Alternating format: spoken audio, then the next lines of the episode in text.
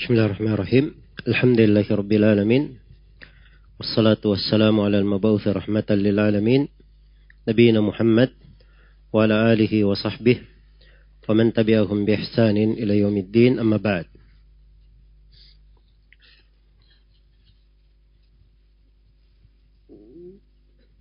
Ini sesi yang keempat dari kajian kita membahas kitab Thalathatul Usul wa Adillatiha. Dari program Kuliah Mafatih Halil. Dan ini adalah kitab yang ke-8 dari urutan buku yang dikaji di dalam program ini. Kita telah memasuki pembahasan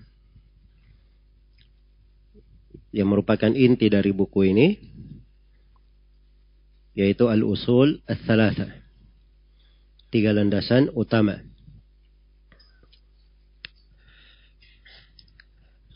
telah saya bacakan pada sesi sebelumnya dasar-dasar yang merupakan asal pembahasan terhadap tiga landasan utama ini Iya.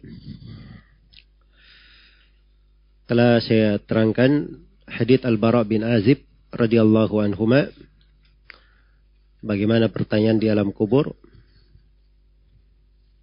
Ada beberapa hadith yang semisal dengannya juga telah saya singgung sebagian dari hadith Al-Asma bin binti Abi Bakar radhiyallahu anha dalam riwayat Bukhari dan Muslim.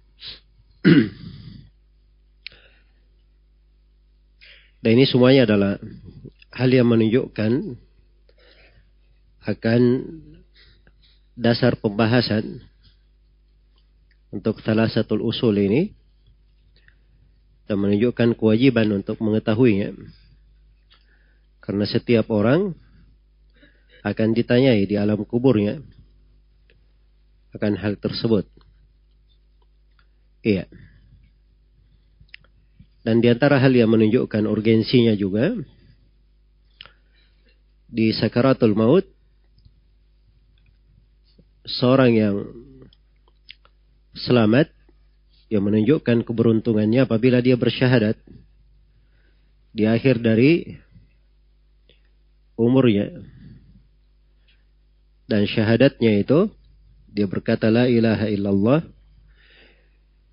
Ini dibangun di atas pengetahuannya tentang siapa yang dia ibadahi.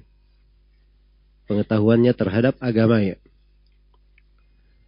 Maka ini punya keterkaitan erat dari sisi kewajiban.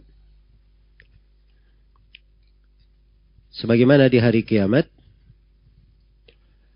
Allah Subhanahu wa taala berfirman di dalam Al-Qur'an, di surah Al-Hijr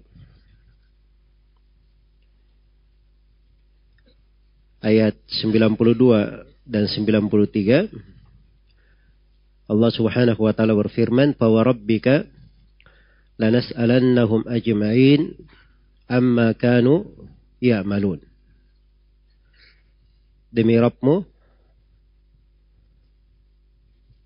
Allah bersumpah dengan dirinya sendiri dengan menyebut namanya. Demi Rabb engkau Nabi Muhammad, lanas'alannahum ajma'in. Sungguh kami akan bertanya kepada mereka semua. Terpakai lam di depannya. Yang menunjukkan taukid. Terus tambah nun, nun taukid juga. Jadi ini penegasannya tiga kali juga. Ada sumpah, ada lam taukid dan ada nun. Iya.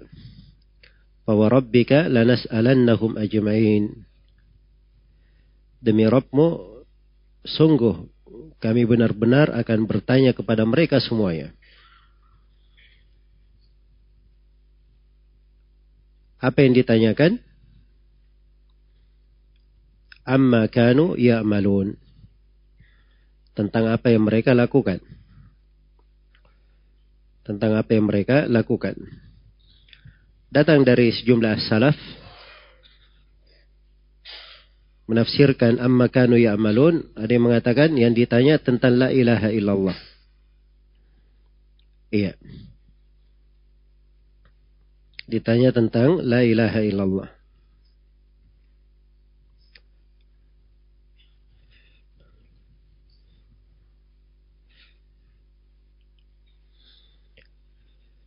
Dan datang dari Abul Aliyah rahimahullahu taala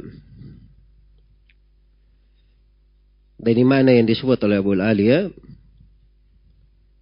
disebutkan oleh Ibnu Kathir datang juga dari Ibnu Mas'ud.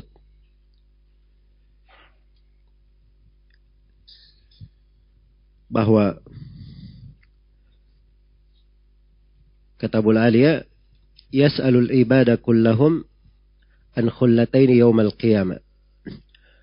Allah akan bertanya kepada seluruh hamba tentang dua perkara pada hari kiamat. Akan ditanya tentang dua perkara. Apa itu? Amma kanu ya'budun. Yang pertama, apa yang mereka ibadahi dahulu. apa yang mereka ibadahi dahulu. Dan yang kedua, wa mada ajabul mursalin dan bagaimana mereka menjawab para rasul. Jadi ada dua pertanyaan. Apa yang mereka ibadahi dan bagaimana mereka menjawab para rasul. Dan ini sama ya dengan salah satu usul. Tentang apa yang mereka ibadahi ini tanyakan tentang ibadahnya kepada Allah. Bagaimana ibadahnya kepada Rabbnya. Dan menjawab para rasul ini mengandung dua hal dia mengenal dan mengikuti Rasul yang diutus kepadanya, dan dia mengikuti agama dan syariat yang dibawa oleh Rasul. Iya. Ini menunjukkan pentingnya masalah ini. Karena Allah Subhanahu wa taala bersumpah akan bertanya kepada makhluk tentang hal ini. Dan apa yang disebut oleh Abu Aliyah dari penafsiran Abu Aliyah ini dari kedalaman eh, fikih dan ilmu para as-salaf memahami ayat-ayat Al-Quran. Karena memang dua hal ini ditanyakan, dan itu disebutkan di beberapa tempat dalam Al-Quran. Misalnya tentang apa yang mereka ibadahi, Allah Subhanahu wa taala berfirman di surah Al-Qasas, وَيَوْمَ يُنَادِيهِمْ فَيَقُولُ أَيْنَ شُرَكَائِيَ الَّذِينَ kuntum taz'umun. Pada hari kiamat tatkala Allah memanggil makhluk. Lalu Allah berfirman, di manakah sekutu-sekutu yang dulu kalian sangka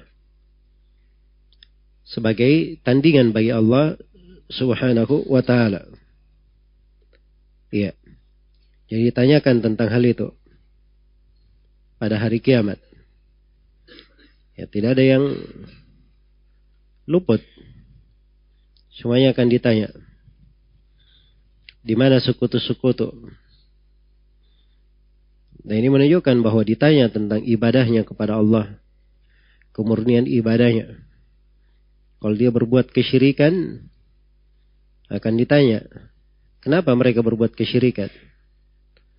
Iya. Harus dia jelaskan tentang hal tersebut. Baik. Itu ayat di surah Al-Qasas ya. Ada ayat yang lain di surah Asy-Syu'ara ayat 92 dan 93. Ketika mereka dikumpulkan semua di hari kiamat, maka dikatakan wakila lahum aina ma kuntum ta'budun min dunillahi hal yansurunakum aw yantasirun. Dan dikatakan kepada mereka, di manakah siapa yang dulu kalian ibadahi? Siapa yang kalian ibadahi selain daripada Allah? Iya, ini konteks ayatnya tentang penduduk neraka ya di hari kiamat. Ditanyakan di mana yang kalian ibadahi dulu selain daripada Allah. apakah mereka bisa menolong kalian atau apakah kalian bisa meminta pertolongan? Ini semuanya ditanyakan pada hari kiamat. Nah dibiarkan begitu saja. Sebab ini masalah yang terbesar. Iya. Baik. Jadi itu beberapa ayat terkait dengan pertanyaan apa yang mereka ibadahi. Bagaimana tauhidnya? Siapa yang mereka sembah. Nah ini pentingnya seorang mengenal siapa Allah yang dia ibadahi. Dan dia mengenal apa itu kesyirikan. Yang syirik ini bertentangan dengan ibadah kepada Allah subhanahu wa ta'ala. Pada kiamat ditanyakan. Adapun yang kedua yang ditanyakan adalah tentang bagaimana mereka menjawab para rasul. Iya. Mada ajabul mursalin. Bagaimana mereka menjawab para rasul. Dan ini tafsir Abu Aliyah juga. Beliau ambil dari ayat yang lain. Di surah Al-Qasas ayat 65. Itu dikatakan. Wa yawma yunadihim fayaqulu mada ajabatumul mursalin hari tatkala Allah memanggil mereka, memanggil makhluk. Kemudian Allah berfirman, bagaimana kalian menjawab para rasul? Bagaimana kalian menjawab para rasul? Iya. Jadi menjawab para rasul itu terkandung di dalamnya dua hal. Bagaimana dia taat menunaikan kewajibannya terhadap Rasul yang diutus. Dan yang kedua, bagaimana dia mengikuti syariat dan agama yang dibawa oleh para Rasul. Iya. Jadi bisa disimpulkan bahwa salah satu usul ini, tiga landasan pokok ini, ini bukan terkait dengan pertanyaan di alam kubur saja ditanyakan. Bahkan dia lebih dahsyat lagi di akhirat nanti di hari kiamat. Karena ini yang menentukan. Sebagaimana di sakaratul maut, ini juga menentukan. Karena itu kalau seorang hamba dia tidak mengenal siapa Robnya yang dia ibadahi. Dia tidak mengenal apa agamanya. Dia tidak mengenal siapa nabinya. Maka sungguh kerugian terhadap dirinya. Maka jalan keselamatan hal yang paling wajib dipelajari oleh seorang hamba adalah dia mengenal tiga perkara pokok ini. Di dalam kehidupannya ya dia kaji dengan dalil-dalilnya dan dia jalani di dalam hidupnya. Inilah yang bisa menjadi bekalnya. Iya. Maka ini dari kewajiban mengenal tiga landasan utama dan urgensinya. Baik, selesai pembahasan ini. Kita masuk di halaman 17 di mana penulis rahimahullahu taala memulai menerangkan tentang al-aslul awal. Landasan pertama, ma'rifatullah, mengenal Allah. Iya. Kata beliau rahimahullahu taala, "Fa rabbuka?" Kalau dikatakan kepada engkau, siapa Rabbmu?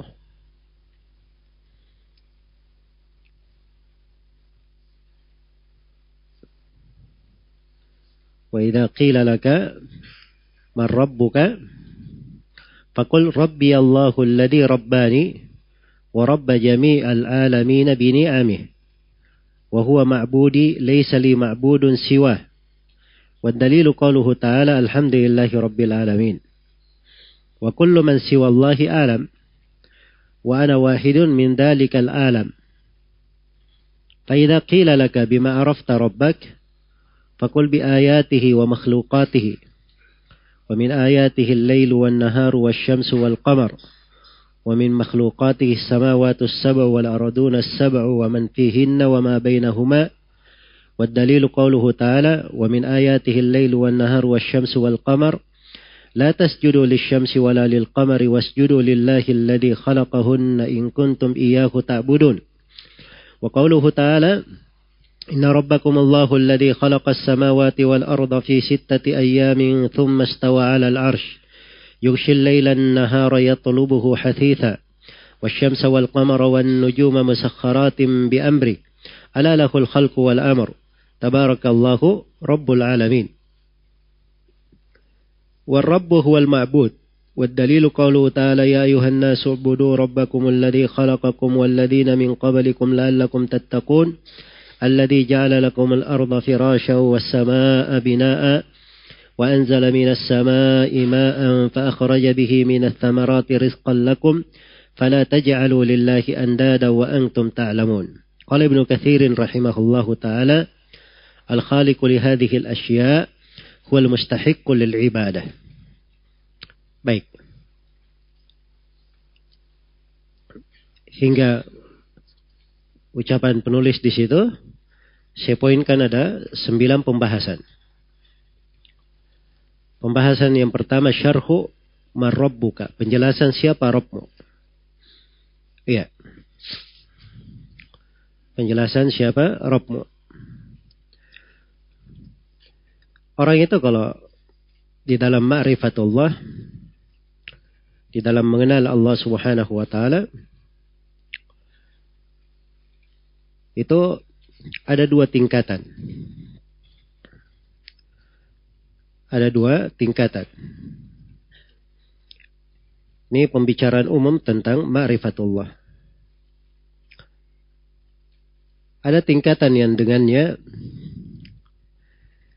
dia mengenal Allah Subhanahu wa taala dia mengenal Rob yang diibadahi. Iya. Ini tingkatan bersyirikat di dalamnya manusia. Bersyirikat di dalamnya manusia. Dan ada tingkatan yang kedua. Ma'rifatullah, mengenal Allah yang menyebabkan dia merasa dekat kepadanya cinta terhadapnya, rindu berjumpa dengannya, mengagungkan dan membesarkannya. Iya. Nah, ini tingkatan yang kedua ini. Inilah yang hendaknya dicari oleh kaum mukminin dan manusia bertingkat-tingkat di dalam hal tersebut. Bertingkat-tingkat di dalam hal tersebut. Karena itu di sini kita harus poinkan pokok dari mengenal Allah yang wajib untuk diketahui yang mana. Iya. Adapun kadar kesempurnaan, kadar tambahan, ini manusia berjenjang di dalamnya. manusia berjenjang di dalamnya. Iya beda pengetahuan orang yang berilmu dengan orang yang tidak berilmu para pelajar dengan orang awam itu beda di dalam mengenalnya. Kalau dia belajar misalnya, maka pengenalannya akan lebih tinggi.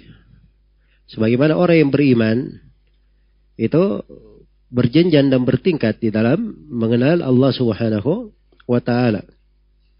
Nah, di sinilah manusia berbeda-beda derajat dan kedudukan. Iya. Karena itu ilmu tentang mengenal Allah Subhanahu wa taala ini pembahasannya luas. Pembahasannya luas.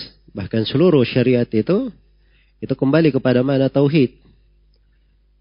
Dan itu adalah kandungan bagaimana seorang itu mengenal Allah Subhanahu wa taala. Iya.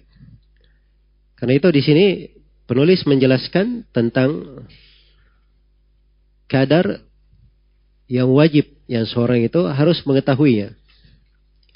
Iya. Tentang Allah Subhanahu wa taala.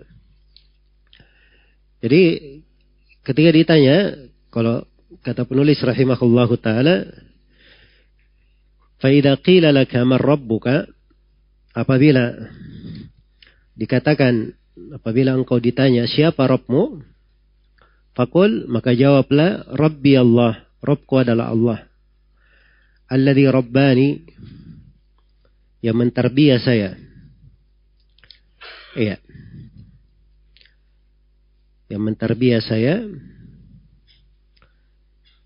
wa rabba jami'al alamina bini'amih dan yang menterbiah seluruh alam semesta ini dengan segala nikmatnya. Kemudian beliau tambah, wahwa ma'budi, laisa li ma'budun siwahu. Dan dialah sembahanku, tidak sembahan bagiku kecuali dia. Ini definisi. Apa yang harusnya dipahami oleh setiap muslim dan muslimah dalam mengenal siapa Robnya. Iya. Ya kalau ditanya siapa Robmu, Arab itu artinya yang mentarbia mentarbia itu adalah yang memelihara, yang menjaga. Iya. Karena mana Arab itu masuk di dalamnya Al-Murabbi, Al-Khaliq, Al-Razik. Ya. Al-Mudabbir itu masuk semua di dalam makna Arab. Ya. Yang mencipta, yang memberi rezeki, yang mengatur segala perkara.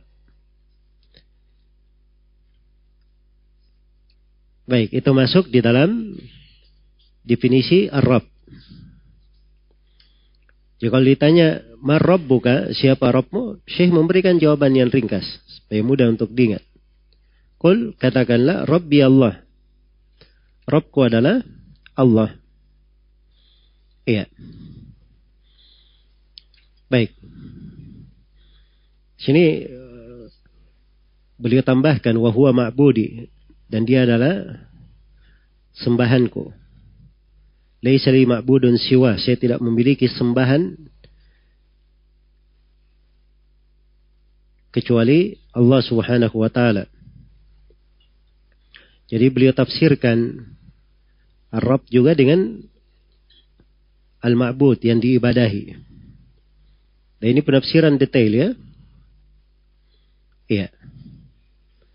Karena akan diterangkan nanti oleh penulis rahimahullahu taala kaidahnya. Jadi kalau dia adalah Arab, maka artinya dia yang berhak untuk apa? Untuk diibadahi. Berhak untuk diibadahi. Iya. Walaupun asal kata Arab itu pada sisi penggunaan kembali kepada mana yang telah saya sebutkan tadi. Kembali kepada mana yang telah diterangkan tadi. Iya. Ar-Rabb bermana Al-Malik yang maha berkuasa, Al-Khalik yang maha mencipta, Al-Mudabbir yang maha mengatur segala perkara, Al-Murabbi yang menterbia, memelihara dan memenuhi segala keperluan makhluk. Itu masuk di dalam mana Arab. Ini dari sisi apa namanya kalimat Rob itu sendiri pada maknanya secara cakupan bahasa tapi di dalam cakupan penggunaan dia bisa bermana al-ma'bud yang diibadahi bisa bermana al-ma'bud yang diibadahi iya dan ini akan disebut oleh penulis nanti kaidahnya. Baik. Akan disebutkan oleh penulis rahimahullahu taala kaidah di dalam hal ini.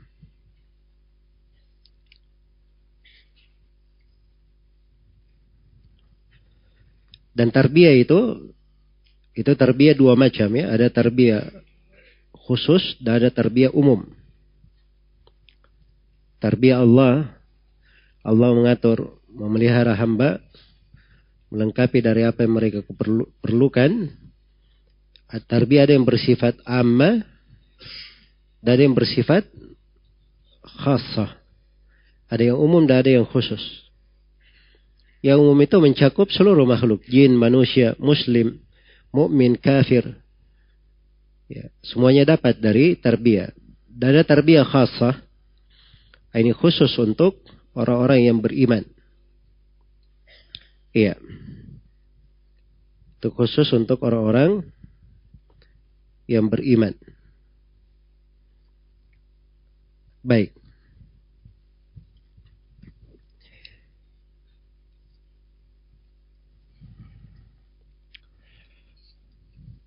Jadi ini penggunaannya terkait dengan mana-mana Arab.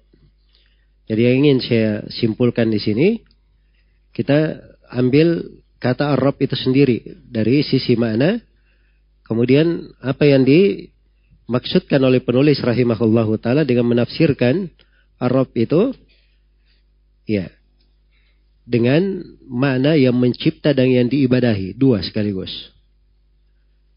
Kalau dari sisi akar kata Arab, telah saya sebutkan tadi. Mana Rob tadi apa? Hah? Iya.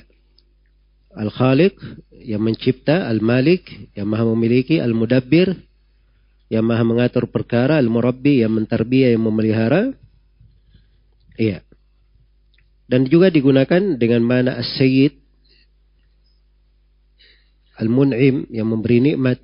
Nah, ini semuanya masuk di dalam mana Ar-Rabb. Iya. Karena kata rububiyah asalnya itu kepada al-hifd war riaya, penjagaan dan pemeliharaan.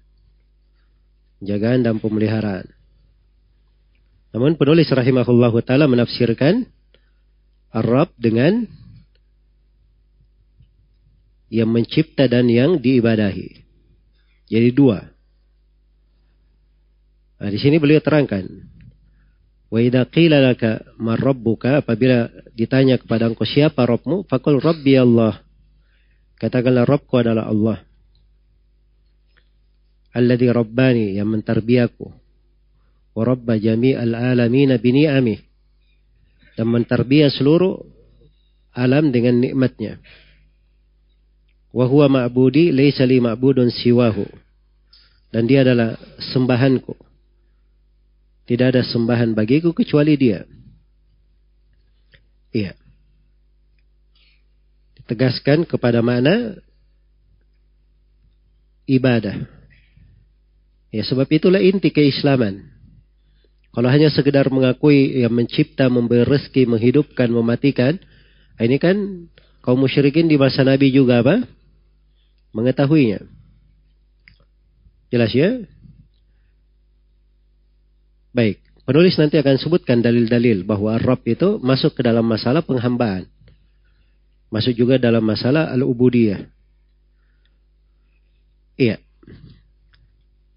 Jadi ini jawaban kalau ditanya, buka siapa Robmu? Pembahasan yang kedua yang saya poinkan adalah usul ma'rifatillahi al-wajibah. Iya pokok-pokok wajib dalam mengenal Allah Subhanahu wa taala. Iya. Ini kita perlu mengenal mengetahui dalam ma'rifatullahi mengenal Allah apa yang wajib iya pokok yang wajib dalam mengenal Allah itu ada empat Ada empat. Yang pertama adalah mengenal adanya Allah. Di mana seorang mukmin meyakini bahwa Allah itu maha ada. Kemudian yang kedua, dari pokok mengenal Allah yang wajib adalah dia mengenal rububiyah Allah. Di mana seorang mukmin mengimani bahwa Allah Subhanahu wa taala Rabb segala sesuatu. Dialah yang mencipta, menghidupkan, memberi rezeki. Al-Khaliq, Al-Razik, Al-Mudabbir dan seterusnya. Kemudian yang ketiga dari ma'rifatullah yang wajib adalah mengenal uluhiyahnya. Di mana seorang mukmin mengimani bahwa dialah Allah satu-satunya yang berhak untuk diibadahi. Kemudian yang keempat dari ma'rifah. Dari pokok yang wajib dalam mengenal Allah adalah ma'rifatu asma'ihi wa sifati. Mengenal nama-nama Allah dan sifat-sifatnya. Ya, dia imani bahwa Allah memiliki dari asma'ul husna. Nama-nama yang maha indah, maha elok. Dan Allah memiliki dari sifat-sifat yang maha tinggi dan maha agung. Iya. Nah, ini yang perlu diketahui. Ini empat usul ma'rifatillah. Ini kadar wajibnya. Jelas ya? Kalau dia sudah sampai ke kadar wajib, terangkat kewajibannya. Nah, inilah modal terbesarnya yang menjadi penjaminnya masuk ke dalam sorga. Walaupun dia misalnya Rasulullah alafiyah disiksa di dalam neraka, maka dia hanya disiksa sesuai dengan kadar dosanya. Setelah itu pasti dia dikeluarkan dan dimasukkan ke dalam sorga. Sebab dia telah memiliki pokok yang dengannya dia mengenal Allah. Ya. Apa yang lebih daripada itu? Ah, di sinilah manusia berjenjang, bertingkat-tingkat. Dalam ilmu dan pengetahuan. Tapi pokok yang wajib ini tadi, ada empat. Yang mengenal adanya Allah subhanahu wa ta'ala. Mengenal rububiyahnya, uluhiyahnya dan apa? Nama-nama dan sifatnya. Iya. Karena itu seorang mukmin jangan dia telantarkan dirinya ya pada ilmu-ilmu. Dan dengannya dia mengenal Allah Subhanahu wa taala. Iya. Karena itu ada pembahasan yang wajib dilewati terkait dengan mengenal adanya Allah. Nah ini berserikat adanya Allah itu ya berserikat manusia di dalam mengenalnya. Dan itu tidak diingkari oleh iblis, tidak diingkari oleh apa namanya? oleh kaum musyrikin di masa Nabi Shallallahu Alaihi Wasallam. Ya, mereka semua mengakui hal itu. Dan tidak diingkari oleh Yahudi dan Nasara tentang adanya Allah subhanahu wa ta'ala. Iya. Namun yang membedakannya itu pada hal-hal yang berikutnya. Yang kedua mengenal rububiyah Allah. Ya, ini rububiyah kaum musyrikin mereka akui rububiyah Allah. Mereka akui. Tapi mereka menyimpan pada hal yang ketiga dalam masalah uluhiyah. Bahwa dia Allah satu-satunya yang berhak untuk diibadahi. Dan yang keempat adalah mengenal nama-nama dan sifatnya. Nah, ini 10 tema, 10 buku di dalam silsilah akidah yang menyelamatkan dari api neraka ini sudah mencakup mengenal Allah pada empat hal ini. Semuanya. Karena penekanan di pembahasan tauhid uluhiyah itu sudah ada di buku-buku sebelumnya, ada akan lebih tegas lagi di kitab Tauhid.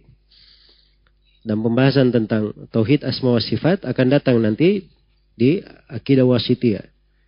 Kita akan jelaskan di situ. Baik. Nah, akan kita lalui insya Allah.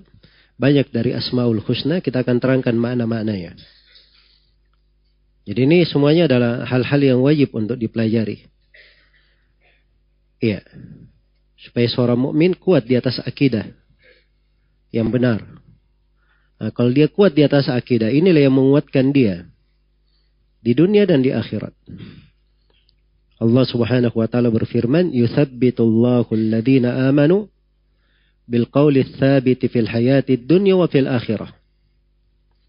Allah meneguhkan, menguatkan orang-orang yang beriman dengan al-qawli tsabit, dengan ucapan yang sabit. Nah, ucapan yang sabit ini inilah tauhid yang benar. Akidah yang lurus. Dia akan dikuatkan dengannya di dunia dan di akhirat. Ya, di dunia di kehidupannya dia kuat dengannya. Di akhirat, akhirat itu masuk di dalamnya apa? Alam kubur. Karena Nabi Shallallahu Alaihi Wasallam bersabda, al qabru awal manazilil akhirah. Kuburan adalah awal persinggahan negeri akhirat. Iya. Jadi dengan tauhidnya yang benar, dia akan diteguhkan dan dikuatkan. Baik. Jadi selesai ya pembahasan yang kedua tentang usul ma'rifatillahi al-wajibah. Pokok-pokok wajib dalam mengenal Allah. Iya. Kemudian pembahasan yang ketiga tafsir ayat surah Al-Fatihah. Tafsir ayat Al-Fatihah. Penulis ketika mendefinisikan siapa Robmu, beliau bawakan dalil. Iya. Beliau membawakan dalil. Kata beliau, Fakul Rabbi Allahu alladhi Rabbani wa Rabba jami'al alamina bini'amih wa huwa ma'budi laysa li ma'budun siwahu. Wa dalilu qawluhu ta'ala Alhamdulillahi Rabbil Alamin. Ini selalu ya, belum pernah kita lewat di buku ini sesuatu tidak ada dalilnya. Semuanya dengan apa? Dengan dalil. Katakan begini, dalilnya begini. Katakan begini, dalilnya begini. Ya. Dan ini namanya beragama. Ini namanya beragama, menuntut ilmu. Ma'rifatul huda bidalilihi. Mengenal petunjuk dengan apa? Dengan dalilnya. Dalilnya adalah firman Allah Ta'ala, Alhamdulillahi Rabbil Alamin. Ya. Ini ayat di surah Al-Fatihah ya. Baik.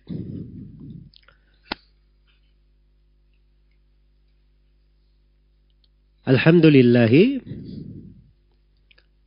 Alhamdu itu artinya pujian terhadap Al-Mahmud. Pujian terhadap yang disanjung atau yang dipuji tapi disertai dengan al-mahabba wa disertai dengan kecintaan dan pengagungan. Iya. Ayat yang disebut dengan alhamd. Dan alif lam di situ alhamdu itu kata ulama bahasa adalah lil istighraq yang mencakup seluruh jenis pujian. Jadi segala jenis pujian apa saja dari hamd pujian terhadap siapa yang dipuji, namun disertai dengan kecintaan dan pengagungan. Ya, dibedakan ya antara alhamd dan astana. Ya kalau seperti misalnya saya katakan singa itu pemberani. Ini pujian atau bukan? Hah? Ini pujian kalau bahasa Indonesia ya. Bahasa Indonesia itu semuanya pujian. Tapi kalau bahasa Arab dia itu sana bukan hamd. Jadi kalau hamd tidak seperti itu. Ya sehingga memang dibilang berani tidak berani sama saja. Memang dia pemberani. Kan begitu? Iya. Nah, maka ini bukan hamd dalam bahasa Arab. Tapi kalau yang dipuji itu, dipuji disertai dengan kecintaan dan pengagungan kepadanya, nah itu baru disebut apa? Disebut sebagai hamd dalam bahasa Arab. Ya, maka segala jenis hamd itu milik Allah. Lillahi itu pakai lam di situ ya. Yang bermana mulkiyah dan istihqaq. Ya. Hanya milik Allah, hanya Allah yang berhak terhadapnya. Iya. Alhamdulillahi. Nah, di sini pakai nama Allah. Pakai nama Allah. Al-ma'bud mahabbatan wa ta'ziman wa ijlalan yang diibadahi dengan penuh kecintaan, pengagungan dan pembesaran. Lillahi Rabbil alamin. Iya. Hanya milik Allah, Rabb al-alamin. Rabb semesta alam. Ya, Rabb di sini dia sebagai nat atau ataf bayan adalah Rabb seluruh alam. Alamin jama dari apa? Dari alam. Nah, ini juga perlu di didefinisikan ya alam itu. Sebab penulis di sini berkata wa kullu ma wallahi alam. Segala yang selain Allah disebut apa? Alam. Wa ana wahidun min dalikal alam. Dan saya salah satu dari alam tersebut. Ya, maksud dari penulis dari alam, alam itu secara bahasa sudah dikenal ya. Ya. Alam itu secara bahasa itu cakupannya pada apa namanya? pada uh, sebuah, jenis. Jadi kalau dikatakan alam manusia, alam jin, alam hewan, Nah, itu disebut apa? Al-awalim namanya. Alam burung-burung. Ya, alam apa namanya? Eh, ikan-ikan. Uh, itu disebut apa? Alam. Jenis yang diklasifikasi seperti itu. Iya. Adapun misalnya sorga, neraka, al-arsh, kursi, itu tidak masuk di dalam alam.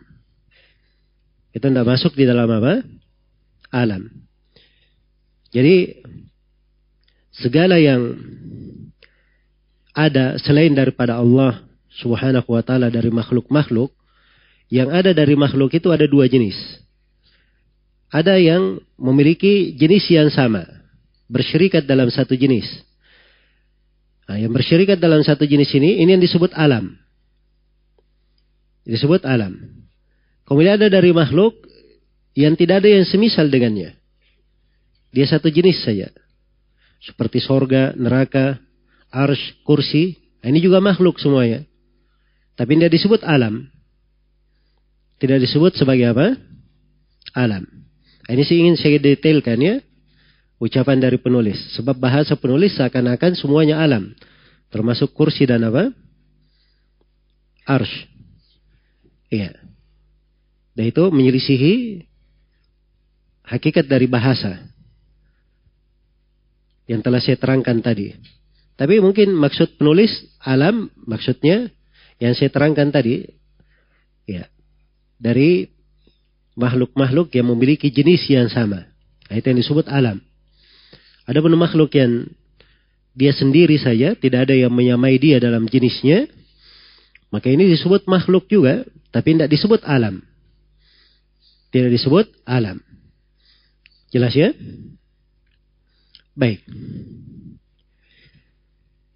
Yang jelas kita ini namanya manusia ini satu dari alam. Semua dari kita satu dari alam. Kita dari alam mana? Hah? Dari alam manusia. Kan begitu. Nah, ini alam, kalau bahasa Indonesia kan, ya, alam itu luas juga. Bahasa Indonesia kan alam semesta dan sebagainya ya. Tapi kalau bahasa Arab seperti itu, mana bahasa? Alam itu ya sesuatu yang sejenis. Dia bisa banyak, tapi sejenis itu disebut alam. Disebut alam. Adapun yang sendiri itu tidak disebut alam dalam bahasa Arab. Baik. Jadi alhamdulillahi rabbil alamin. Segala puji hanya untuk Allah, Rabbul Alamin. Dipuji Allah yang diibadahi bahwa dia adalah Rabbul Alamin. Maka Rabb itu adalah yang mentarbiah dan dia yang diibadahi. Itulah definisi yang disebut oleh penulis. Iya. Rabbi Allahu alladhi rabbani wa rabba jami'al alamina bini'amih. Wa huwa ma'budi laysa li ma'budun siwahu. Rabbku adalah Allah yang mentarbiaku dan mentarbiah seluruh alam dengan nikmat-nikmatnya. Dan dia adalah sembahanku. Tidak ada sembahan bagiku kecuali dia. Baik. Jadi selesai di sini penjelasan tentang apa? Uh, pembahasan siapa Rob, siapa Robmu dan pembahasan pokok-pokok wajib dalam mengenal Allah. Dan ini sudah kita terangkan makna ayat surah Al-Fatihah tadi. Alhamdulillahi Rabbil Alamin. Kita berpindah ke pembahasan berikutnya, pembahasan yang keempat. Syarah bima arafta rabbak. Penjelasan dengan apa engkau mengenal Rabbmu. Iya. Baik, dengan apa seorang mengenal Allah yang diibadahi? Kata penulis, فَإِذَا قِيلَ لَكَ بِمَا أَرَفْتَ رَبَّكَ Apabila dikatakan kepada engkau, ya, bima arafta rabbak. Bagaimana engkau mengenal Rabbmu? Fakul bi ayatihi wa makhlukatihi. Maka katakanlah saya mengenalnya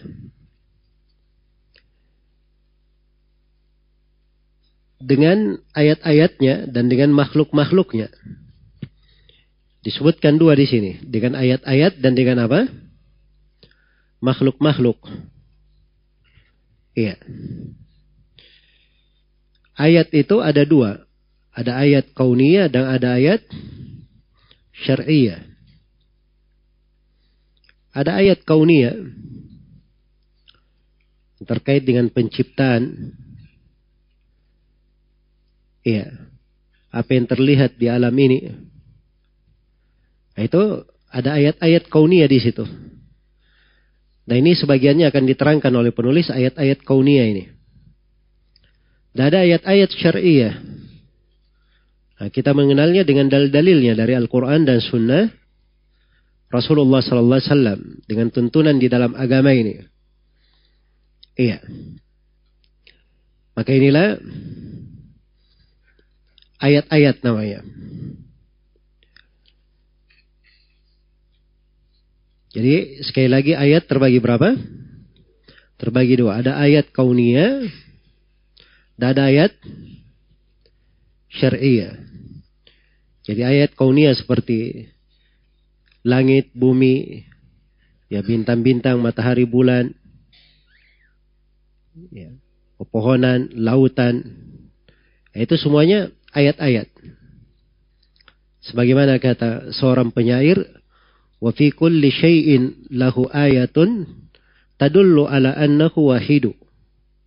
Pada segala sesuatu itu Allah memiliki ayat padanya yang menunjukkan bahwa dialah Allah yang maha satu. Yang menunjukkan bahwa dialah Allah subhanahu wa ta'ala yang maha satu. Iya. Baik. Karena kalau kita perhatikan dari kaun ini, dari penciptaan ini, dari alam semesta ini, itu dipikirkan pasti akan diketahui. Tidak ada yang menciptakannya kecuali Allah Subhanahu wa taala. Itu dari merenunginya. Lau kana fihi ma'alihatun illallahu lafasadata. Andai kata alam ini pada langit dan bumi ini ada dua yang diibadahi, ada dua ilah, maka akan rusak langit dan bumi. Iya. Akan rusak. Kan begitu? Ya. Karena setiap yang mencipta, yang berkuasa, ya dia tidak mau di atas yang, di atas yang lainnya. Dibahasakan di ayat yang lain, idan ladahaba kullu ilahin bima khalaq. Wala ala ba'duhum ala ba'd. Kalau memang dua pencipta, maka setiap yang mencipta setiap yang diibadahi dia akan pergi membawa ciptaannya sendiri. Dan sebagian mereka akan merasa lebih tinggi daripada yang lainnya. Kan begitu ya? Ya. Itu namanya yang mencipta. Nah, maka ini semuanya dengan melihat alam ini itu akan tampak. Tidak mungkin alam ini ada dua pencipta. Pasti satu saja. Iya. Am ja'alu lillahi syuraka'a khalaqu ka khalqihi fatashabaha al-khalqu alaihim? Apakah mereka jadikan ada sekutu-sekutu bagi Allah yang mereka mencipta sama dengan ciptaan Allah sehingga penciptaan itu menjadi samar bagi mereka? Jawabannya tidak. Kulillahu khaliqu kulli syai'. Katakanlah bahwa Allah yang mencipta segala sesuatu wa huwal wahidul qahhar dan dia yang maha satu lagi maha berkuasa. Maka ini menunjukkan bahwa dia Allah yang maha sendiri, maha satu. Ini ayat-ayat kauniyah namanya. Iya. Dan yang kedua ada namanya ayat-ayat apa? Syariah. Nah, inilah ayat-ayat syariah yang diturunkan berupa ayat-ayat Al-Quran apa yang datang dari hadits Nabi Shallallahu Alaihi Wasallam. Dalil-dalil yang menunjukkan akan adanya Allah Subhanahu Wa Taala, akan kesempurnaannya, keagungannya, keharusan beribadah kepadanya, tentang nama-nama dan sifat-sifatnya. Ya, jadi semuanya menunjukkan akan hal itu. Ya. Jadi memperhatikan dari dua ayat, kauniyah dan syariah, ini semuanya pasti menyebabkan seorang itu mengenal Allah Subhanahu wa taala. Iya. Baik. Karena itu Nabi Ibrahim alaihissalam disebutkan kisahnya di mana? Di surah Al-An'am. Bagaimana beliau mencari yang dia ibadahi. Iya. Jadi yang pertama di malam hari dulu. Ketika malam Falamma janna alaihi al-lailu ra'a kaukaba. Qala hadha rabbi. Begitu sudah masuk malam, Nabi Ibrahim melihat bintang. Oh bintang ini Masya Allah di atas langit terang. Ya, maka Nabi Ibrahim berkata, ini adalah Robku. Falamma afala qala la uhibbul afilin. Begitu bintangnya hilang, Nabi Ibrahim berkata, saya tidak suka hal yang hilang. Tidak mungkin mencipta hilang. Jelas ya? Maka begitu melihat bulan sama seperti itu juga. Oh ini Robku dia lebih besar bulan ini. Ya. Begitu apa namanya hilang maka beliau memohon kepada Allah jangan sampai digolongkan kepada orang-orang yang tersesat. Nah, begitu melihat matahari, oh ini lebih besar lagi matahari. Tapi begitu terbenam mataharinya, maka Nabi Ibrahim pun tahu bahwa ini semuanya bukan yang diibadahi. Ya. Maka beliau berlepas dari segala yang diibadahi selain daripada Allah. Inni wajjahtu wajhiya lilladzi fatara as-samawati wal ard. Ya. Di kelanjutan ayat ya. Beliau pun menghadapkan wajahnya kepada Allah. Jadi perhatikan dari ayat-ayat kauniyah itu bisa membuat seorang itu mengenal Allah. Tapi harus ada bimbingan dari ayat-ayat syariah karena hidayah itu di tangan Allah. Ya. Nabi Ibrahim diberi hidayah oleh Allah supaya dia mengenal Allah Subhanahu wa taala. Ya, sebagaimana mestinya. Maka beliau pun menyerahkan ibadah hanya untuk Allah Subhanahu wa taala semata. Maka ini ayat-ayat. Jadi penulis menyebutkan di sini dikenal dengan dua, dengan ayat-ayat dengan apa? Makhluknya. Ini ada pembahasan yang kelima saya poinkan ya. Al-maksudu minal ayati wal makhlukat. Maksud dari ayat-ayat dan makhluk-makhluk. Iya. Sekarang muncul pertanyaan, apa bedanya ayat-ayat dan makhluk-makhluk? Apa beda antara keduanya? Ya, kalau di sini penulis berkata wa min ayatihi al-lailu wan naharu wasyamsu wal qamar. Dari ayat-ayat Allah malam, siang, matahari dan bulan. Ini ayat-ayat ya beliau sebut. Dan dari makhluk-makhluk Allah, as-samawatus sabau, langit yang tujuh, wal araduna sabau, bumi yang tujuh, waman fihinna, dan seluruh yang ada pada langit dan bumi, wama bainahuma, dan apa yang antara keduanya. Apa yang antara keduanya. Nah, sekarang muncul pertanyaan, loh bukankah matahari dan bulan itu termasuk makhluk Allah? Iya kan? Terus kenapa dibedakan antara ayat-ayat dan apa? Makhluk-makhluk. Nah, ini penulis rahimahullah taala detail di sini ya dari sisi bahasa. Iya. Karena matahari, bulan, siang, malam itu kebanyakannya disebut dengan ayat. Memang. Langit dan bumi itu kebanyakannya disebut dengan nama apa? Dengan nama makhluk. Karena asal ayat dalam bahasa Arab Ayat itu bernama, bermakna apa? Bermakna alamat. Iya. Bermakna alamat atau tanda. Ya. Jadi dia tanda ini terus berputar. Dia tidak tetap. Berputar dan tampak dengan jelas. Tampak dengan jelas. Ah, itu ayat namanya. Karena itu siang dan malam, ya tidak ada siang terus, kan begitu. Dan tidak ada malam terus. Kalau datang malam, hilang siang. Kalau siang datang, sirna malamnya. Kan begitu? Nah, matahari dan bulan juga seperti itu. Ya, di, matahari tidak terus kelihatan. Bulan tidak terus kelihatan. Nah, ini yang disebut ayat namanya. Dia sebagai tanda. Nah, kalau makhluk, ya, al-makhlukat itu dari kata al-khalq. Al-khalq itu di bahasa orang Arab adalah sesuatu yang ditetapkan yang sudah dikadarkan, ditakdirkan. Iya. Dan langit dan bumi memang sudah ditakdirkan seperti ini. Dia tetap tidak berubah. Langit dan bumi. Dia seperti itu. Makanya dia digolongkan ke dalam apa? Makhluk-makhluk Allah subhanahu wa ta'ala. Baik. Jadi dengan apa seorang itu mengenal Robnya? Jawabannya dengan dua. Dengan ayat-ayat dan dengan apa? Makhluk-makhluknya. Wa min ayatihi al-lail wan naharu wasyamsu wal qamar. Dari ayat-ayat Allah ada malam, siang, matahari dan bulan.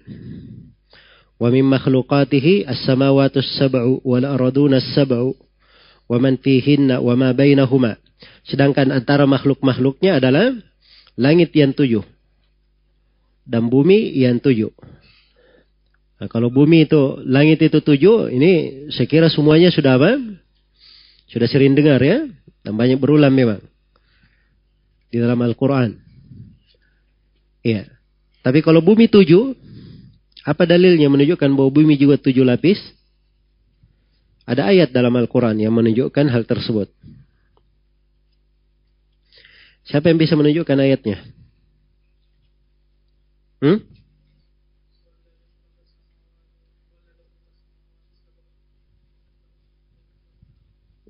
Hmm. Dibenarkan ayatnya. Huwallazi khalaqa sab'a samawatin wa minal ardi mitlahunna. Dialah yang menciptakan tujuh langit dan dari bumi semisal dengannya. Jadi bumi semisal dengan tujuh kan begitu. Ya, dan lebih tegas lagi adalah hadis yang menjelaskan doa yang dibaca kalau masuk memasuki sebuah negeri. Kalau ada orang perjalanan, dia masuk ke sebuah negeri. Kan ada doa yang dibaca. Apa doanya? Ada yang hafal? Hah? Ah, ini yang musafir-musafir ini. Hafal doanya? Bukan itu. Allahumma rabbas samawati sab'i wa ma wa rabbal aradina sab'i wa ma aqlalna ورب الشياطين وما أضللنا ورب الرياح وما ذرينا أسألك خير هذه القرية وخير أهلها وخير ما فيها وأعوذ بك من شر هذه القرية وشر أهلها وشر ما فيها ya panjang ya kayaknya susah dihafal ya ya Allah Rabb langit yang tujuh dan apa yang diteduhi oleh langit dan Rob bumi yang tujuh. Dan apa yang ditampung oleh bumi. Dan Rob syaitan dan apa yang disesatkan oleh syaitan.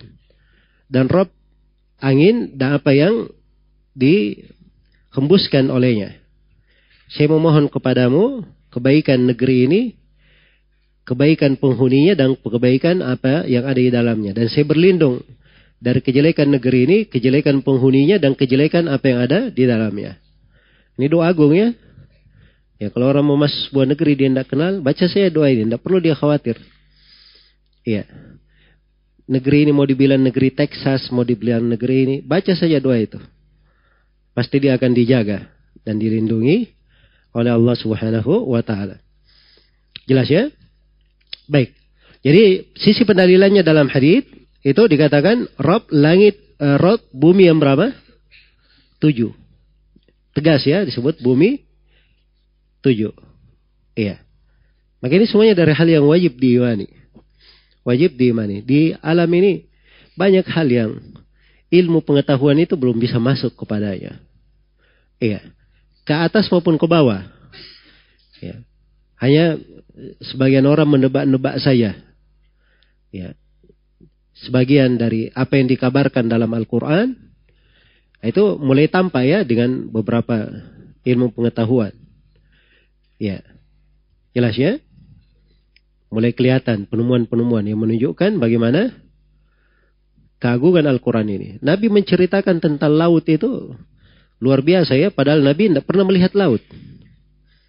Ya, Nabi itu bukan orang seperti kita di Makassar ini. Orang pinggir pantai. Ya.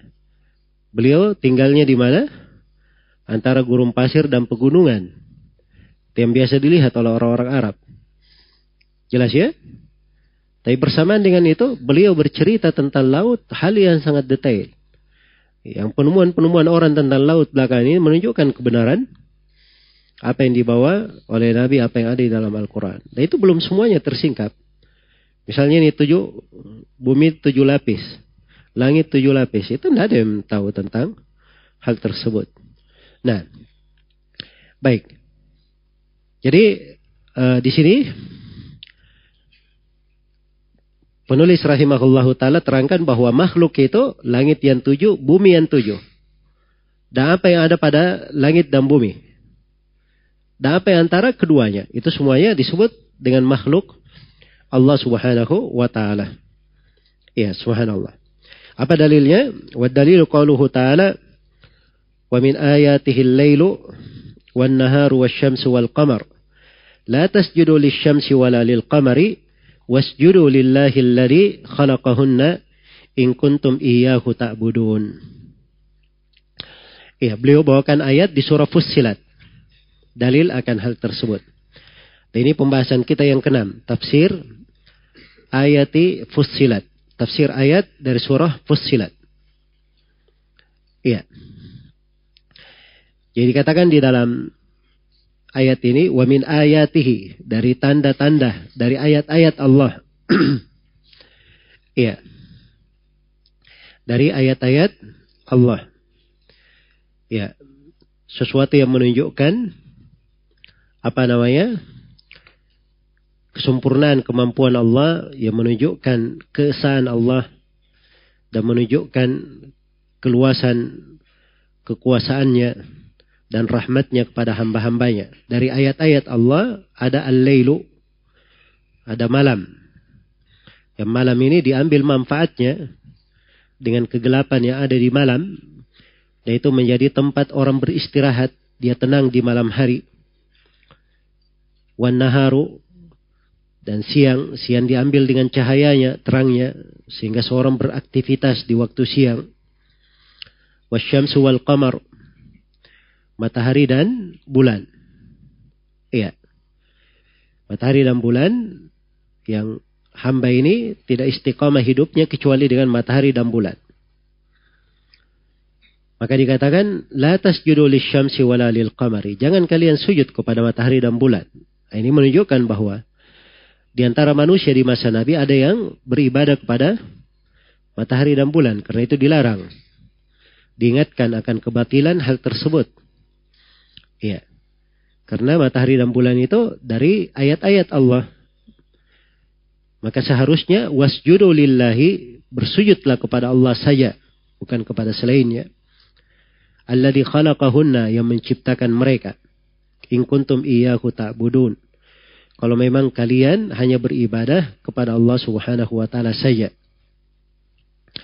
Ini pengakuan terhadap rububiyah itu mengharuskan pengakuan terhadap apa? Uluhiyah. Ya, kalau diakui Allah yang menciptakan itu tadi semuanya, malam, siang, matahari dan bulan adalah tanda-tanda Allah, ayat-ayat Allah, harusnya mereka beribadah kepada Allah yang menciptakannya. Beribadah kepada Allah yang menciptakannya. Baik. Kemudian dalil berikutnya wa qauluhu ta'ala dan firman Allah taala. Ini dibawakan oleh penulis di sini untuk menunjukkan bahwa ini semuanya adalah makhluk-makhluk. Ya, kalau tadi itu kan ayat-ayat ya, wa min ayatihi itu kan ayat. Nah,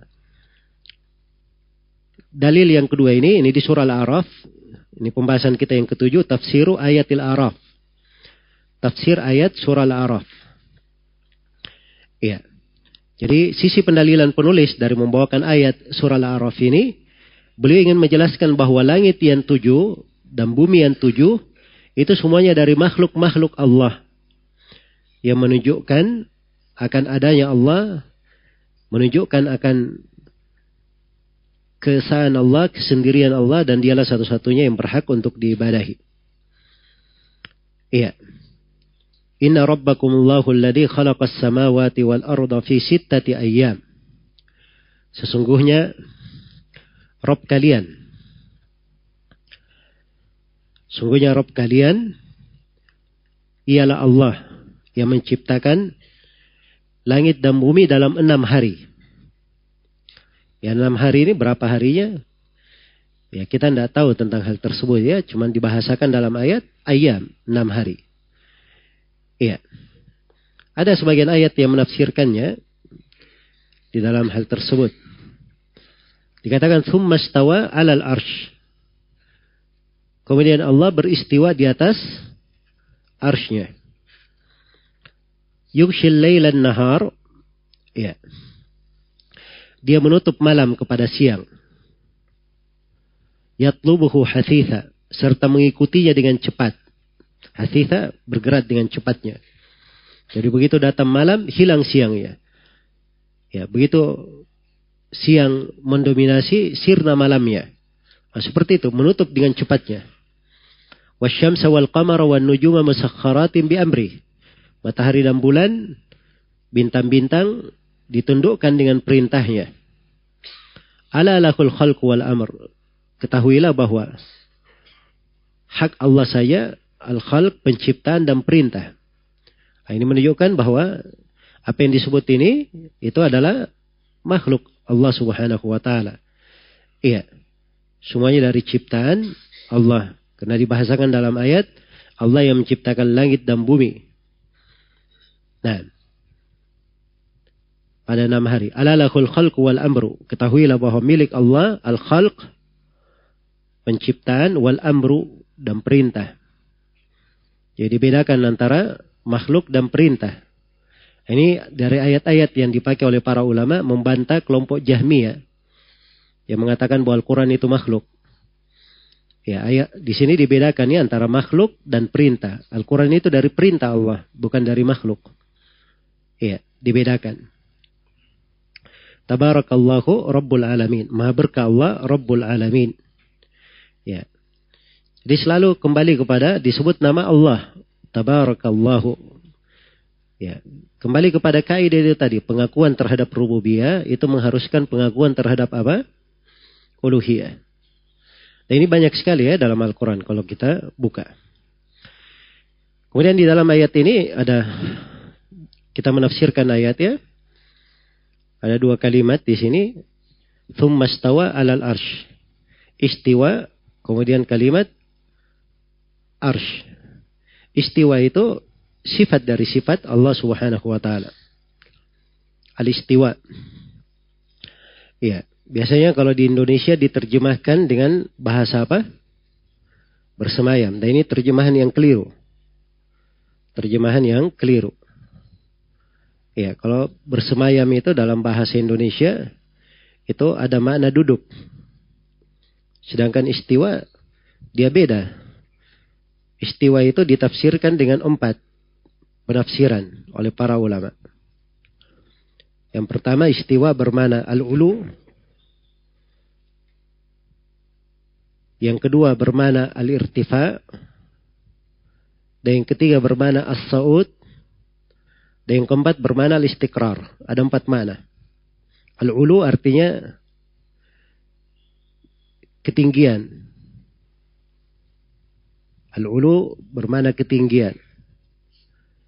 Iya. Al-irtifa artinya yang di atas. Yang tinggi. Yang terangkat. Itu irtifa. Nah, ada disebutkan secara bahasa ya, orang Arab Badui. Dia tinggal di atas pohon. Ada tamunya datang. Maka orang Arab Badui ini dengan bahasa fasihnya dia berkata, istiwa lah kalian kepadaku. Nah, istiwa bermana apa? naik. Sebab itu definisi istiwa secara bahasa. Istiwa juga bermana as-saud. As-saud itu kalau dikatakan masa ada ala syai, berarti dia yang paling atasnya. Karena itu debu yang kita pakai tayamum debu itu disebut dalam Al-Quran dengan bahasa apa? Sa'idan. Sa'idan itu karena dia yang paling atas. Yang paling di atas. Jadi yang paling atas pada segala sesuatu itu disebut as-sa'ud.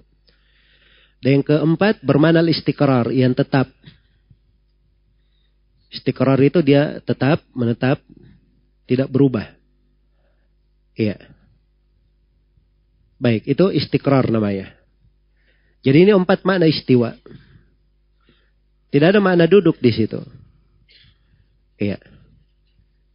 Uh, seorang di pembahasan kaidah sifat, kalau dia katakan misalnya, apakah Allah duduk?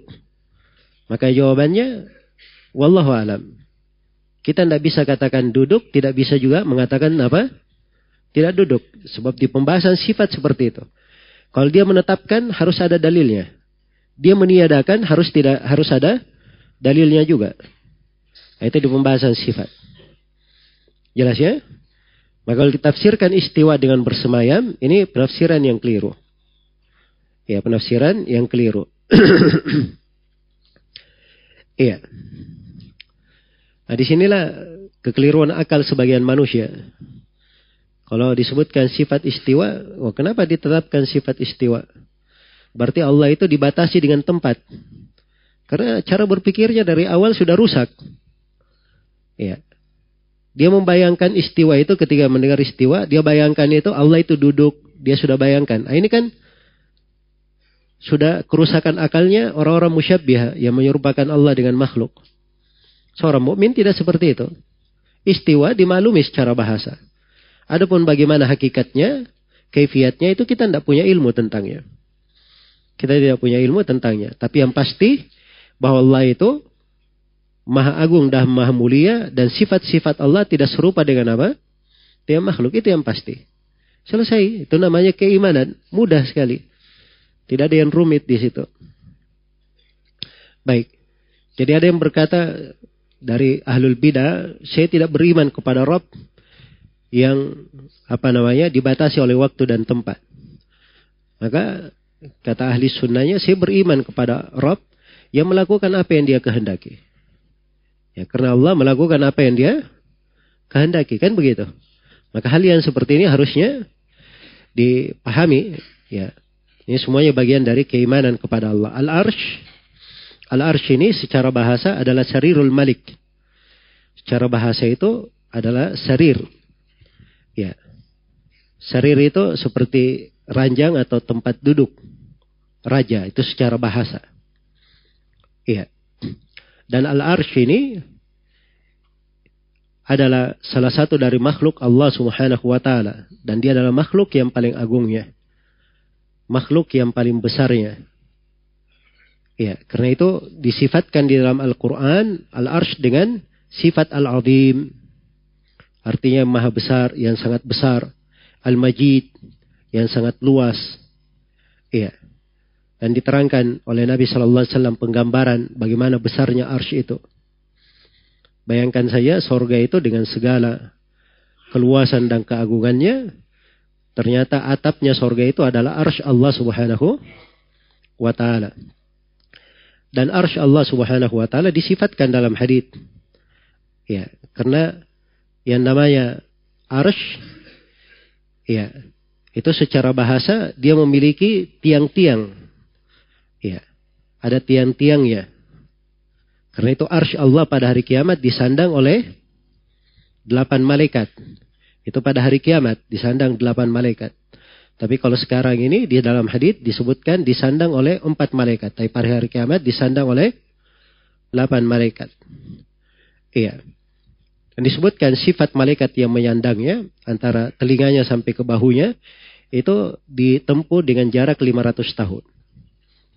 Nah, ini penggambarannya. Jadi ars itu punya kawaim. Karena itu di dalam hadis riwayat Bukhari dan Muslim. Ketika terjadi hari kebangkitan, maka Nabi Muhammad SAW yang paling pertama terjaga. Ya, dan dia melihat Nabi Musa bergantung di qaimah di salah satu tiang dari arsh Allah Subhanahu wa taala. Dan Nabi Muhammad berkata, saya nggak tahu ini Nabi Musa alaihi salam dia yang duluan terjaga atau saya yang duluan terjaga. Baik. Jadi seluruh sifat-sifat arsh ini kalau kita baca biasa saja, Kira-kira ada yang meragukan arsy ini makhluk atau bukan? Hah? Ini jelas ya, arsy itu adalah apa? Adalah makhluk. Itu tidak ada keraguan dalam hal itu. Dan itu adalah hal yang disepakati oleh para ulama. Iya. Tidak ada dari seorang ulama pun yang apa namanya pernah membahasakan ragu di dalam hal itu. Baik. Selesai tentang ayat ini ya. Ini tafsir ayat surah Al-A'raf. Kemudian berikutnya penulis rahimahullahu taala berkata, "War-rabbu huwal ma'bud." Nah, ini pembahasan yang ketujuh. Apa pembahasan yang kedelapan? Al-iqraru biqaunihi rabban yujibu al-iqrara biqaunihi ma'budan ma'luhan. Pengakuan bahwa Allah adalah Rabb itu mengharuskan pengakuan bahwa Allah adalah yang diibadahi lagi disembah. Iya. Baik. Jadi pengakuan bahwa Allah adalah Rabb. Jadi kalau kita sudah akui Allah adalah Rabb. Itu mengharuskan kita mengakui bahwa dialah Allah Al-Ma'bud. Yang diibadahi. Lagi disembah. Inilah yang dibahasakan oleh penulis rahimahullahu ta'ala. Warrabbu huwal ma'bud. Iya. Dan Rob itu dialah yang berhak untuk diibadahi. Nah, ini kaidah penting ya dalam tauhid ini. Dan inilah indahnya seorang muslim dan muslimah membaca ayat-ayat Al-Quran yang terkait dengan rububiyah Allah. Karena keimanan kepada rububiyah itu akan membuat dia semakin mantap keimanannya dalam apa? Uluhiyah. Iya. Dan ini dibahasakan dalam Al-Quran di banyak tempat. Termasuk ayat yang akan disebutkan oleh penulis. Di antara ayat adalah firman Allah Subhanahu wa taala di surah Ali Imran. Ya, "Qul ya ahlal kitab, ta'alu ila kalimatin sawa'in bainakum alla na'budu illa Allah wa la nusyrika bihi syai'a wa la yattakhidha ba'duna ba'dan arbaban min dunillah." Wahai ahlul kitab, marilah kalian kepada kalimat sawa, kalimat yang sama antara kami dan kalian. Maksudnya ini kalimat sama antara kami dan kalian. Sebab ini semuanya perputaran dakwanya para nabi dan para rasul. Seluruh agama nabi dan rasul sama. Seperti itu. Apa kalimat samanya ini? Allah na'budu illallah. Tidak boleh kita beribadah kecuali hanya kepada Allah. Wala nusyrika bihi syai'a. Dan tidak boleh kita berbuat kesyirikan kepada Allah dengan suatu apa pun. Terus yang ketiga, jangan sebagian dari kita menjadikan sebagian yang lainnya sebagai rob-rob selain daripada Allah. Rob-rob di sini bermana apa? Ma'bud. Kan begitu. Karena tidak ada dari ahlul kitab yang mengatakan ada pencipta selain Allah, pemberi rezeki selain Allah. Enggak, mereka tahu semuanya itu Allah yang melakukannya. Yang ada itu mereka menjadikan sebagian makhluk sebagai apa? Yang diibadahi. Apakah di dalam halal yang haram ataupun di dalam hal yang lainnya. Jelas ya? Nah, di sini dibahasakan arbaban dengan bahasa Rob. dengan bahasa Rob. Karena itu menafsirkan Rob dengan ma'bud ini adalah hal yang ma'ruf di kalangan para ulama dan itu memang salah satu maknanya. Iya. Salah satu maknanya dan konsekuensinya. Nah, inilah yang dijelaskan oleh Syekh di sini ingin beliau tegaskan bahwa Rob itu dialah yang diibadahi. Dialah yang diibadahi. Ya, kemudian beliau bawakan ayat di sini. Wa dalilu qauluhu ta'ala. ya, ini ayat surah Al-Baqarah ya. يا أيها الذين يا أيها الناس اعبدوا ربكم الذي خلقكم والذين من قبلكم لعلكم تتقون الذي جعل لكم الأرض فراشا والسماء بناء وأنزل من السماء ماء فأخرج به من الثمرات من الثمرات رزقا لكم فلا تجعلوا لله أندادا وأنتم تعلمون Wahai sekalian manusia. Ini tafsir ayat ya. Ya ayuhan nas. U'budu rabbakum. Beribadalah kepada Rob kalian. Perintah ibadah. Ya. Kepada Rob kalian. Beribadalah kepada Rob kalian. Apa yang diingatkan? Alladhi khalaqakum. Yang menciptakan kalian. Walladina min qablikum. Dan menciptakan orang-orang sebelum kalian. La'allakum tattaqun. Supaya kalian bertakwa. Ini ayat di surah Al-Baqarah ya. Dan ini ayat perintah yang paling pertama dalam Al-Quran. Ya kalau kita cari dalam Al-Quran kata perintah, kata perintah pertama adalah ayat ini. U'budu rabbakum. Iya. Apa di sini? Perintah apa ini? Perintah beribadah. Karena itu saya sudah terangkan di pembahasan tauhid kemarin keutamaan tauhid bahwa tauhid ini adalah awal perintah di dalam Al-Qur'an. Iya. Jadi ini awal perintah. Sebagaimana akhir ayat, fala taj'alu lillahi andada, ini larangan namanya. Dan ini adalah awal larangan di dalam Al-Qur'an. Awal larangan di dalam Al-Qur'an. Larangan dari berbuat kesyirikan. Iya. Baik, kalau kita baca ayat ini sebelumnya. Maka kita akan ketemukan penjelasan tiga golongan manusia dari awal surah Al-Baqarah. Iya. Ayat yang pertama sampai kelima itu penjelasan sifat kaum mukminin. Ayat yang keenam dan ketujuh penjelasan sifat orang-orang kafir. Ayat yang kedelapan hingga kedua puluh itu penjelasan sifat kaum munafikin. Iya. Jadi tiga golongan ya, kaum mukminin, kaum kafir dan kaum munafikin. Yang paling banyak ayat menjelaskannya apa? Kaum munafikin. Sebab ini memang kaum munafikin ribet. Iya. Abu-abu. Dia samar. Mudabdabina bina dalik. Ya. Kacau antara keadaan di sana, keadaan di situ. Bukan di sana, bukan di situ. Tapi ke mana-mana. Ya. Ke mana-mana. Dan sifat yang seperti ini, talawun yang seperti ini, ini sifatnya kaum munafikin. Tidak tetap, tidak jelas. Dan itu sifatnya orang-orang Yahudi. Sifatnya orang-orang Yahudi. Tidak jelas. Iya. Adapun orang yang beriman, itu keimanan itu jelas dan terang. Nah, itulah tauhid namanya. Membuat seorang itu teguh di atas perkara. Kuat di atas prinsip. Iya. Nah itulah jalannya para salaf. Ya, karena itu di manhaj salaf mereka memiliki dari keteguhan karena pengaruh dari akidah yang benar. Akidah yang benar itu itu membawa kepada as-sabat. Membawa kepada keteguhan. Kalau dia memiliki akidah yang benar. Beda kalau akidahnya keliru. Ya. Maka ini biasanya membawanya kepada keraguan, kebimbangan dan kegoncangan. Iya. Baik.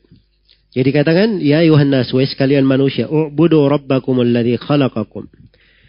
Beribadalah kalian, sembahlah Rabb kalian yang menciptakan kalian. Walladina min qablikum. Dan orang-orang yang sebelum kalian. La'allakum tattakun. Agar kalian bertakwa. Alladhi ja'ala lakumul arda firasya. Rabb yang telah menjadikan untuk kalian bumi ini sebagai hamparan. Wassama'a bina'a.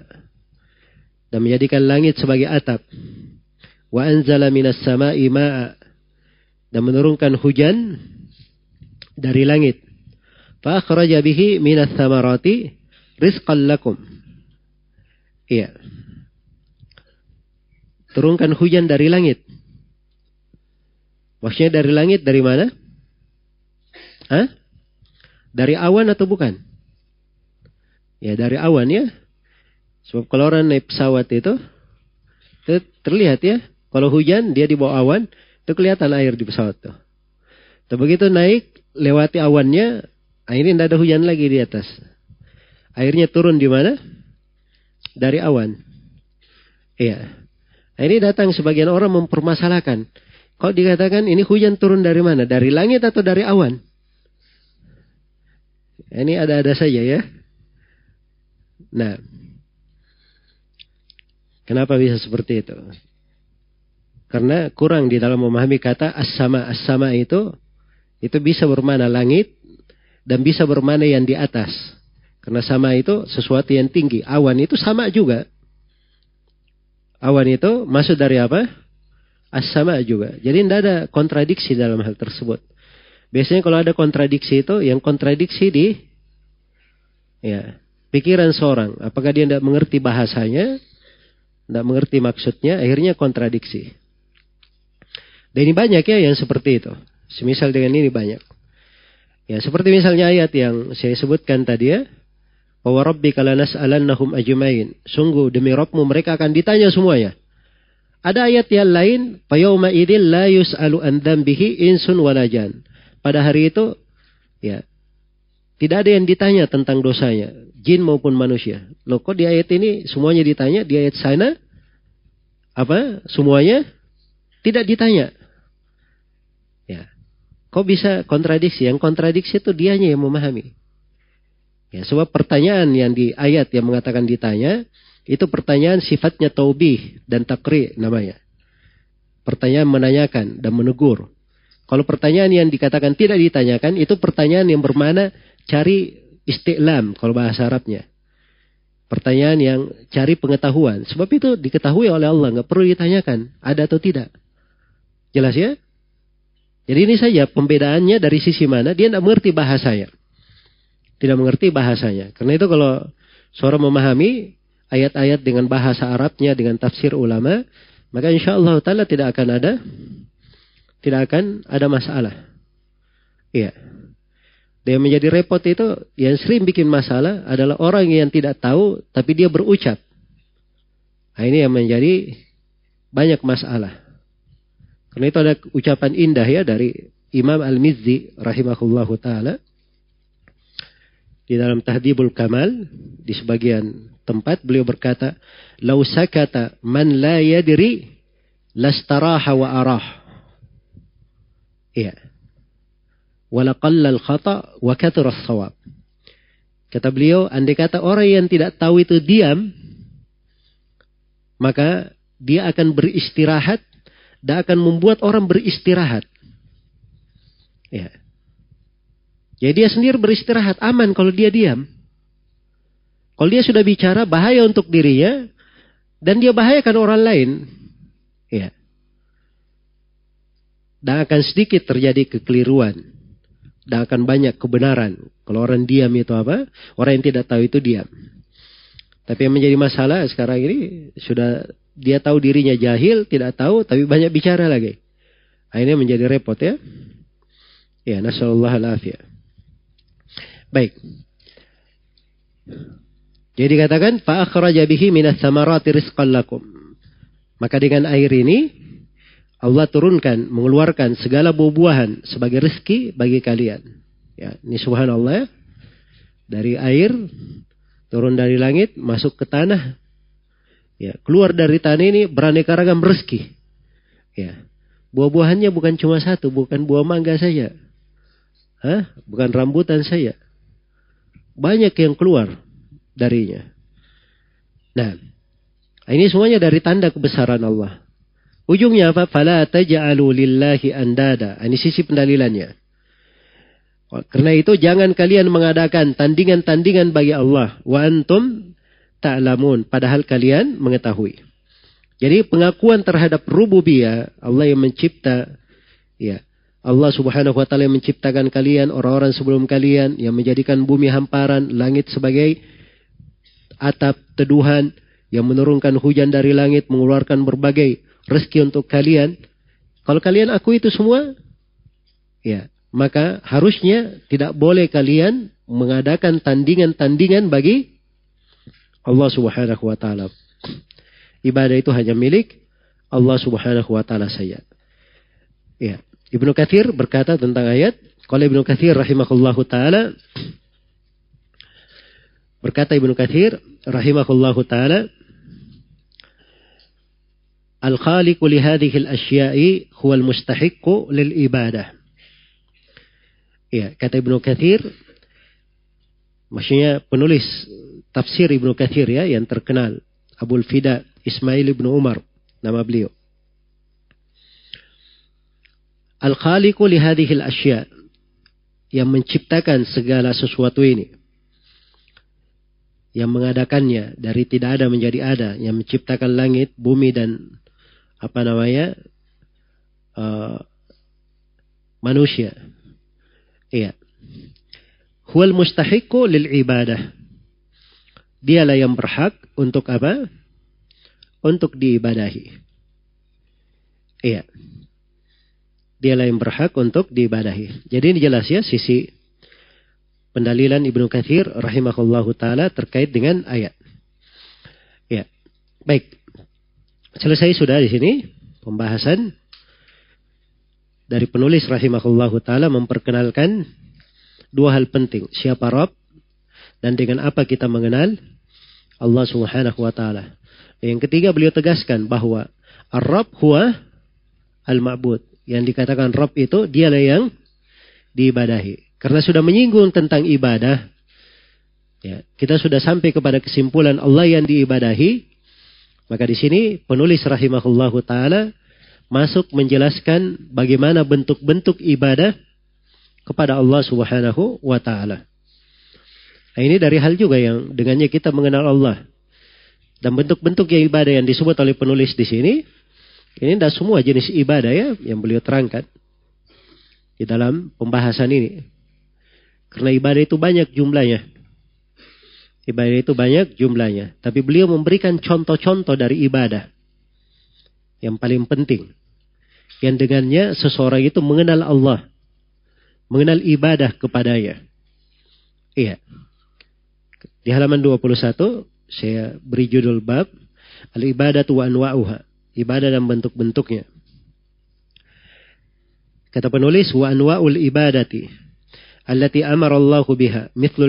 wal iman wal ihsan wa minhu ad-du'a wal khawf wal raja' wal tawakkalu والتوكل والرغبة والرهبة والخشوع والخشية والإنابة والاستعانة والاستعادة والاستغاثة والذبح والندر وغير ذلك من أنواع العبادة التي أمر الله بها كلها لله تعالى.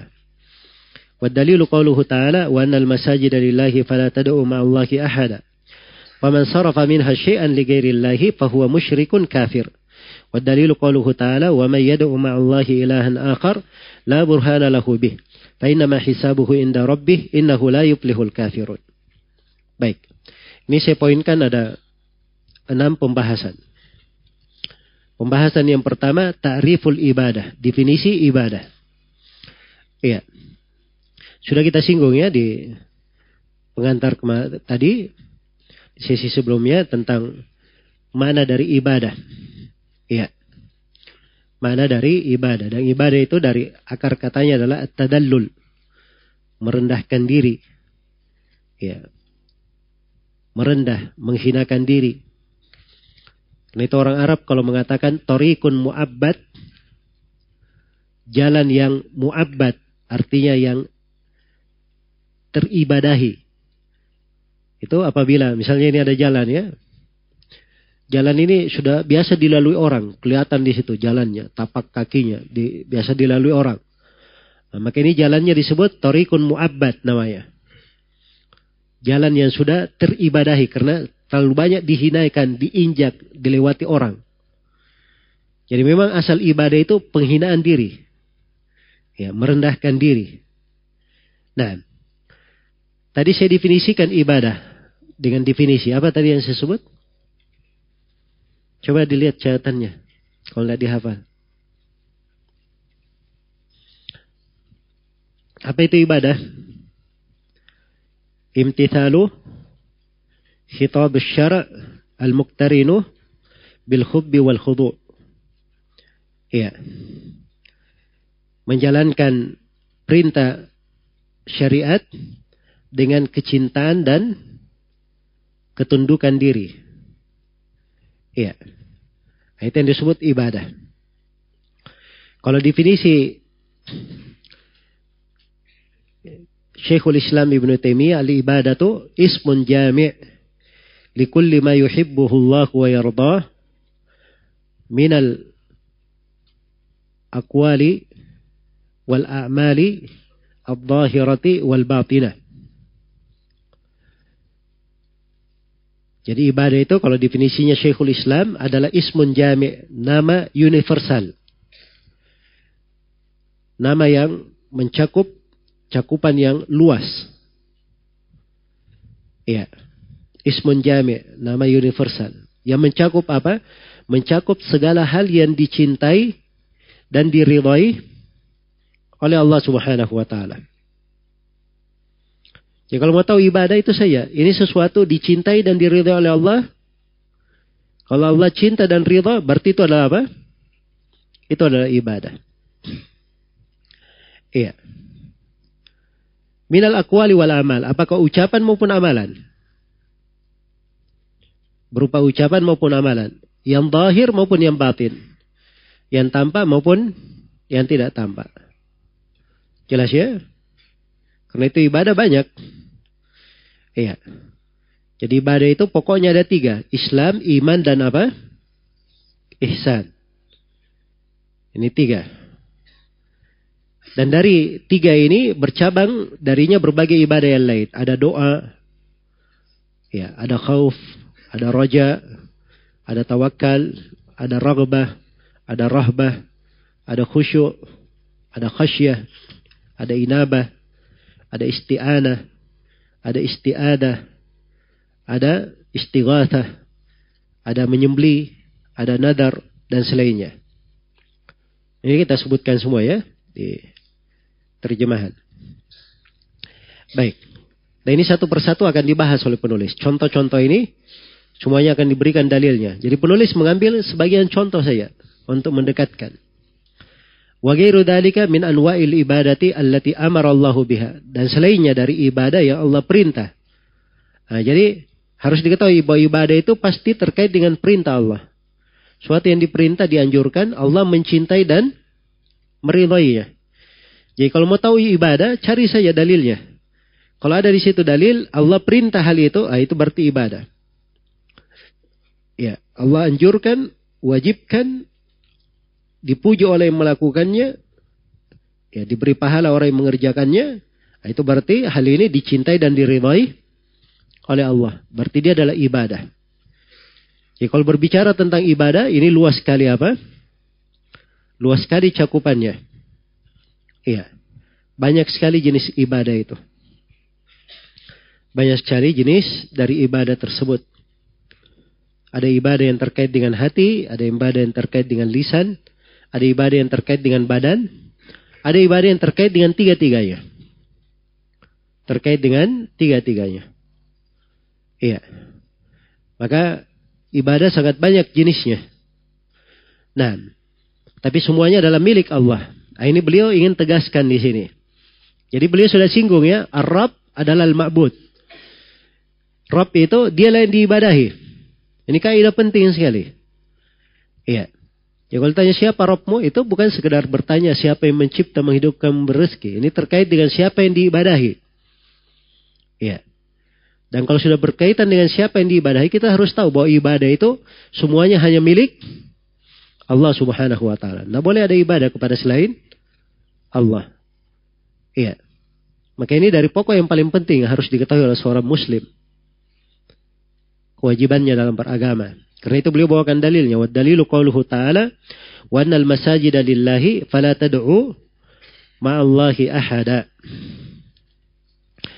Baik, saya sudah definisikan tadi ya. Ta'riful ibadah sudah. Kemudian yang kedua, anwa'ul ibadah. Anwa'ul ibadah, jenis-jenis ibadah sudah saya bacakan tadi. Beberapa jenis ibadah yang disebut oleh penulis. Dan jenis-jenis ibadah yang disebut oleh penulis akan datang rinciannya nanti. Dirinci. Iya. Oleh beliau satu persatu dengan dalilnya. Kemudian yang ketiga wujubu ikhlasil ibadah lillah. Kewajiban mengikhlaskan ibadah hanya untuk Allah. Ini diucapan penulis kulluha lillahi taala. Semuanya hanya milik Allah Subhanahu wa taala. Ya. Maka tidak boleh ada ibadah apa pun diserahkan kepada selain Allah. Harus diikhlaskan hanya untuk Allah subhanahu wa ta'ala. Kemudian beliau bawakan ayat di surah Al-Jin. Ya ini ayatnya sudah kita tafsirkan ya di pembahasan sebelumnya. Wa annal masajid lillahi fala tad'u ma'allahi ahada. Sungguhnya masjid-masjid milik Allah. Jangan kalian beribadah kepada siapa pun bersama dengan apa di, di, di samping beribadah kepada Allah Subhanahu wa taala. Baik. Wanal masajid. Tadi saya sebutkan masajid di bisa diartikan dengan dua pengertian. Masajid yang pertama artinya bisa bermana apa? Tempat-tempat ibadah, masjid. Dan yang kedua masajid bisa bermana anggota badan yang dipakai beribadah. Anggota sujud. Nah, ini semua masjid ini Semuanya milik Allah. Tempat ibadah, anggota badan, pagi bersujud, semuanya milik Allah. Iya. Karena itu tidak boleh seorang menyuruh siapa pun di samping Allah subhanahu wa ta'ala dalam ibadah. Iya. Baik. Seluruh masjid milik Allah. Dan ini mengharuskan ikhlas kepada Allah subhanahu wa ta'ala dalam ibadah dan menyerahkan ibadah hanya kepada Allah. Baik. Kemudian yang kelima, qaidatun azima fi man sarafa syai'an minal ibadati li ghairillah. Kaidah agung tentang siapa saja yang memalingkan sebuah ibadah kepada selain Allah. Ini kaidah penting sekali dalam tauhid. Iya. Dan kaidah ini yang membedakan seorang itu kenal tauhid atau tidak. Dia paham tauhid atau tidak. Iya. Apa kaidahnya? Kata beliau, "Faman sarafa minha syai'an li ghairillah" fahuwa musyrikun kafir. Barang siapa yang memalingkan minha sesuatu darinya. Ya. Sesuatu darinya. Nyanya kembali kepada siapa? Hah? Kembali kepada ibadah. Jadi siapa yang memalingkan sesuatu dari ibadah, syai'an, sesuatu, sesuatu apa pun, sedikit maupun banyak. Ligairillah, kepada selain Allah, maka hukumnya dia adalah musyrik, kafir. Nah, ini ibadah. Karena ibadah itu, kapan dia sudah syah sebagai ibadah? Kapan ibadah ini diberikan kepada selain Allah, walaupun sedikit, maka hukumnya dia adalah musyrik, kafir, keluar dari Islam. Musyrik kafir keluar dari Islam. Nah, ini kaidah besar ya, menunjukkan agungnya tauhid dan besarnya perkara tauhid ini. Karena itu seorang mukmin kalau dia sudah mengenal tauhid, dia jaga di dalam hidupnya. Dia pegang. Dan itu menjadi prinsipnya. Semakin kuat di dalam hatinya, semakin tampak pula pengaruh tauhid itu pada kehidupannya. Iya. Dalilnya apa? Wa dalilu qawluhu ta'ala wa may yad'u ma'allahi ilahan akhar la burhana lahu bih fa innama hisabuhu 'inda rabbih innahu la yuflihul kafirun. Barang siapa yang beribadah Barang siapa yang beribadah atau menyembah ma'allahi ilahan akhar, menyembah sembahan yang lain di samping menyembah Allah, la burhana lahu bih. Padahal yang disembah itu tidak ada burhan baginya. Iya. Tidak ada satu dalil pun terhadapnya, tidak ada argumen yang jelas padanya. Fa'innama hisabuhu indallah. Sesungguhnya hisabnya berada di sisi Allah. Iya, innahu la yuflihul kafirun. Sungguhnya tidak beruntung orang-orang kafir. Jadi perhatikan ayat ini ya dalilnya. Wa may siapa yang beribadah. Dari kata doa ya, doa itu mencakup dua hal, doa masalah dan doa ibadah. Ya, siapa yang beribadah menyembah kepada sembahan lain di samping menyembah kepada Allah.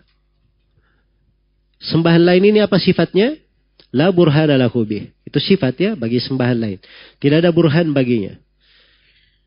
Karena segala yang disembah selain daripada Allah itu tidak ada hujah, tidak ada kejelasan, tidak ada petunjuk baginya.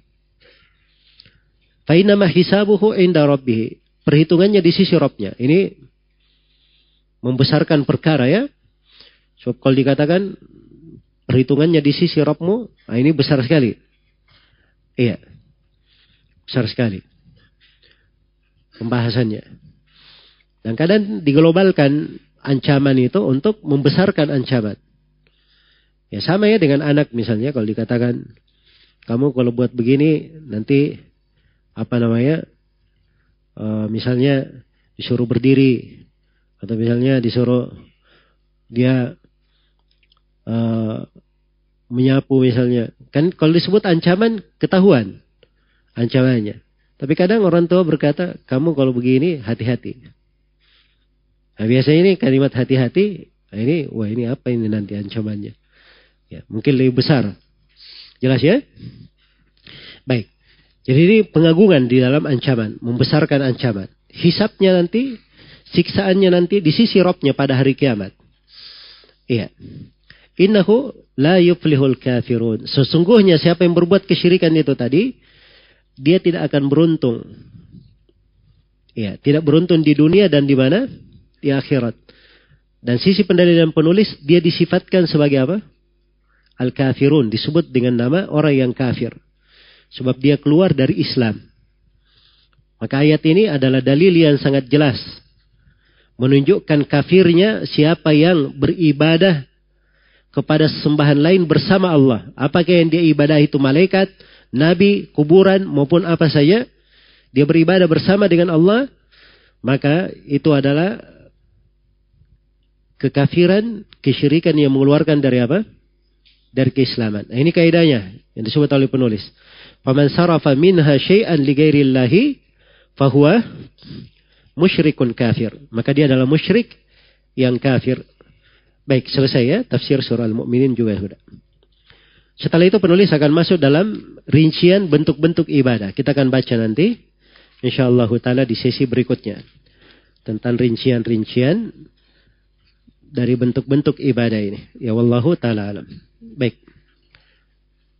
Kita siap-siap untuk sholat maghrib. Subhanakallahumma wa bihamdik. Asyadu an la ilaha illa anta. Astagfirullah.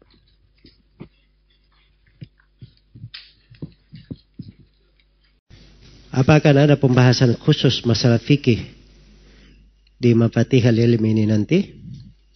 Ini kan sudah ada kurikulumnya. Ada kurikulumnya. Kita ada pembahasan fikih khusus di. Insya Allah akan datang nanti. Bolehkah duduk di bagian belakang jika hanya menuntut ilmu dunia? Seperti sekolah umum. Hmm. Kalau ilmu dunia itu bermanfaat, ya duduk di depan bagus ya. Barangkali itu menjadi sebab dia mudah memahami.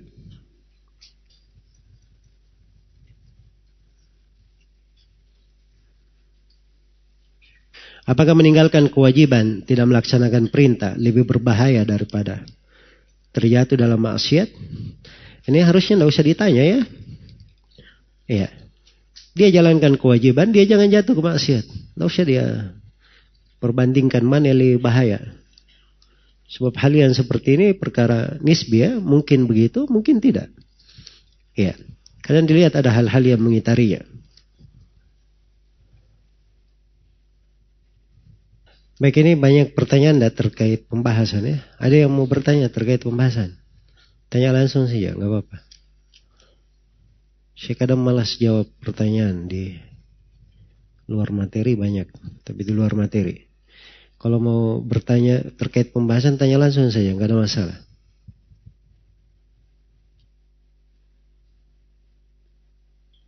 ketika merasa bosan pada saat belajar ilmu agama, apa yang harus kita lakukan agar tetap semangat belajar? Yang pertama ketika datang perasaan bosan, seorang jangan berubah dari keadaannya. Itu dulu yang pertama. Dia tetap belajar. Walaupun dia merasa bosan, tapi dia tetap belajar. Terus yang kedua, dia memohon kepada Allah pertolongan supaya dimudahkan. Kemudian yang ketiga, dia banyak membaca kisah hidup para ulama di dalam belajar dan menuntut ilmu. Ya. Itu membantu sekali untuk membangkitkan semangatnya. Kalau dia baca sirah para ulama, ya dia ini belum ada apa-apanya belajar. Belum berkorban apa-apa. Kalau dibaca pada sirah dan sejarah para ulama. Nah. Kemudian yang keempat, Seorang itu kalau dapat perasaan seperti itu, jangan langsung dia berubah, langsung dia respon dengan menuruti atau bikin hal yang lain. Sabar saja dulu. Sabar. Sehari, dua hari, terus sambil dia berdoa, ya kalau dia bosan begini, dia perbanyak ibadah. Dia banyak sholat, dia banyak apa namanya membaca Al-Quran, banyak berdikir. Ya, nah, itu semuanya akan membantu, insya Allah Taala.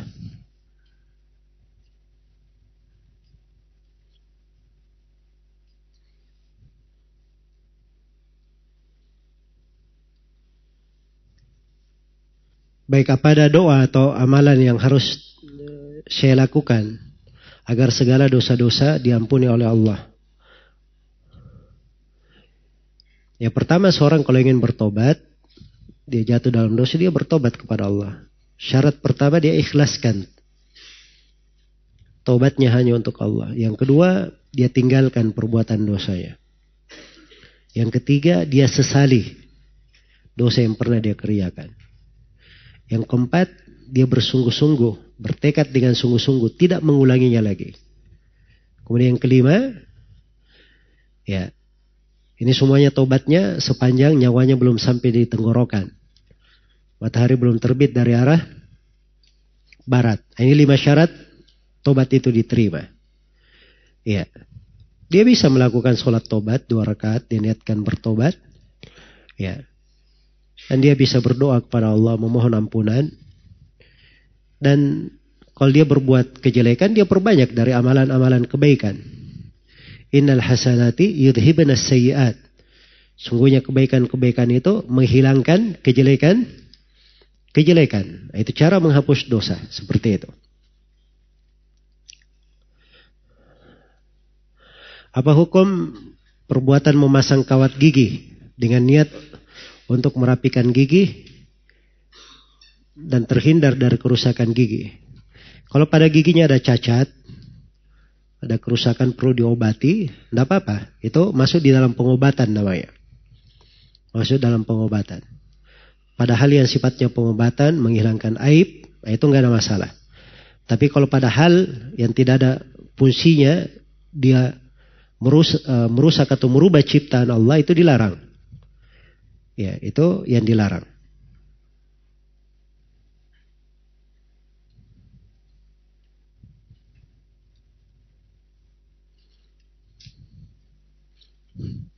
Ya masjid kami banyak semut.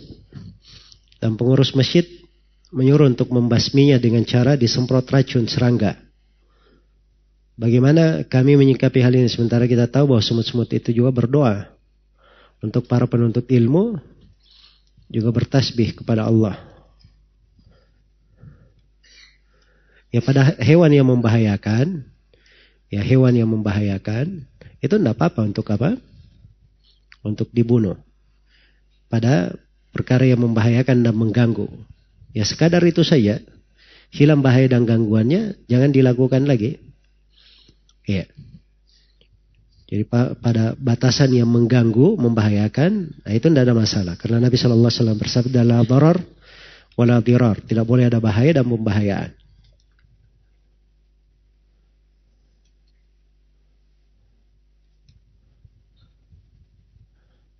Bagaimana kalau di setiap akhir kajian diberikan sesi tanya jawab agar ilmu itu lebih melekat? Nah, akan lebih baik bila ada ikhwah yang siap memberikan hadiah sebagai motivasi bagi peserta. Oh, saya kira yang bertanya ini yang bersiap tadinya. Ternyata cuma mengusulkan saya. Ya sebenarnya ini ada di program kita ya. Dari setiap buku itu ada ujiannya. Tapi subhanallah saya ada kesibukan-kesibukan. Nah ini belum ada apa namanya, uh, belum ada celah untuk itu. Tapi itu ada di setiap buku, nanti ada ujiannya, ya. Dan bentuk ujiannya juga sudah pernah kita sampaikan. Ya semoga dimudahkan di masa mendatang, insya Allah taala.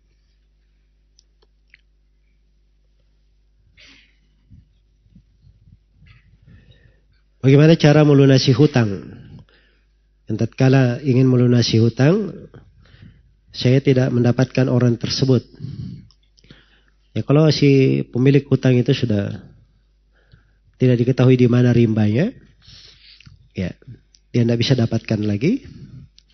Maka di sini uang yang dia pegang itu hutangnya dia simpan sampai pemiliknya datang. Kalau dia ingin berbuat lebih bagus lagi, ya lakukan seperti yang dikerjakan pada orang yang berdoa itu terhimpit di dalam gua. Itu amalan soleh dia kerjakan. Ada orang yang bekerja pada dia, upahnya tidak diambil orang ini. Upahnya tidak diambil. Maka upah orang ini dia belikan kambing. Ya, beranak pianak sampai menjadi satu lembah. Begitu kelamaan datang pemilik orang yang pernah kerja ke dia ini. Dia minta, mana upah saya? Kata orang itu itu upahmu sudah menjadi apa? Kambing. Orang ini bilang jangan mengolok-olok saya, saya minta upahmu. Enggak itu upah kamu. Ya Masya Allah orang ini juga diambil semua kambingnya dia tidak sisakan satupun. Ya. Masya Allah. Ya. Tapi itu membuat orang ini tidak ada perasaan sama sekali. Ya. Orang itu kan biasanya eh, ini tidak ada kalau bahasa Makassarnya ini tidak ada tahun terima kasihnya. Sudah dibelikan lagi kambing dia ndak. Hah? Kan begitu kan? Ini tidak. Tapi dia anggap biasa saya. Milik dia, dia mau ambil ya. Itu memang milik dia, bukan milik saya. Ya. Diambil semuanya, dia juga nggak ada masalah. Nah, maka dia berdoa, ya Allah kalau memang itu amalan saleh yang saya kerjakan, ikhlas karena engkau, mudahkanlah musibah yang menimpa kami ini. Maka terbuka dari mulut gua itu. Yang tadinya tertutup oleh batu besar. Jelas ya? Kita dari amalan yang bagus. Baik. Apa hukum menikahi wanita pezina? Tidak boleh ya menikahi pezina. Allah berfirman dalam Al-Quran, وَحُرِّمَ ذَلِكَ عَلَى الْمُؤْمِنِينَ Diharamkan hal tersebut terhadap orang-orang yang beriman. Ya. Orang yang berzina itu pezina dinikahi itu boleh dengan dua syarat. Syarat yang pertama dia sudah bertobat. Dan syarat yang kedua rahimnya itu bersih. Ya. Kalau kelihatan hamil ditunggu sampai melahirkan. Kalau tidak kelihatan hamil ditunggu sampai satu kali haid. Namanya istibra. Itu dua ketentuan.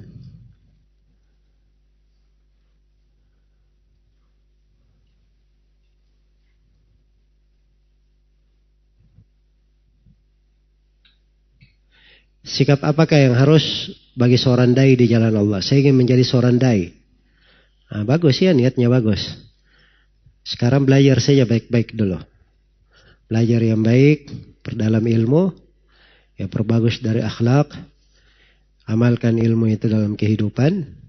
Insya Allah akan datang waktunya seorang itu mengetahui apa yang dia perlukan.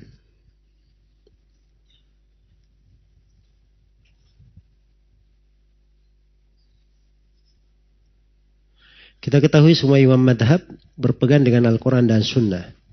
Tapi mengapa ada perbedaan pendapat di antara mereka? Nah, ini pertanyaan karena pertanyaan ini muncul karena dia tidak belajar dari ilmu usul fikih. Ya, ini ada ilmunya ya, namanya ilmu apa? Usul fikih. Nanti kalau mengerti ilmu usul fikih, tata cara pendalilan baru kelihatan. Dalilnya sama, tapi kadang berbeda di dalam cara apa? Cara pendalilan dan memahami dalil. Iya. Itu perbedaan pendapat ada di masa sahabat. Dalam masa sahabat ada hal yang dibolehkan. Ya, itu namanya khilaf tanawu. Dan ada hal yang tidak diperbolehkan. Itu namanya khilaf tadad. Ya, kita ada materi-materi ya terkait dengan ini. Insya Allah akan datang nanti.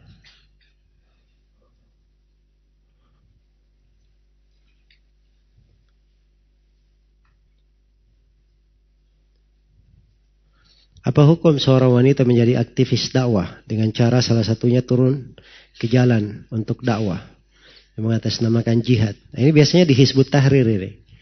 Yang kayak ginian. Orang-orang menyimpang. Ya, perempuan itu tempatnya di rumah. Masa diajak turun ke jalan? Allah berfirman, "Wa qarna bi buyutikunna." Berdiamlah kalian di rumah-rumah kalian Ya. Rasulullah bersabda al-mar'atu awra idza kharajat istasyrafaha syaitan. Perempuan itu aurat kalau dia keluar akan dibuat agung oleh syaitan, dijadikan fitnah oleh syaitan.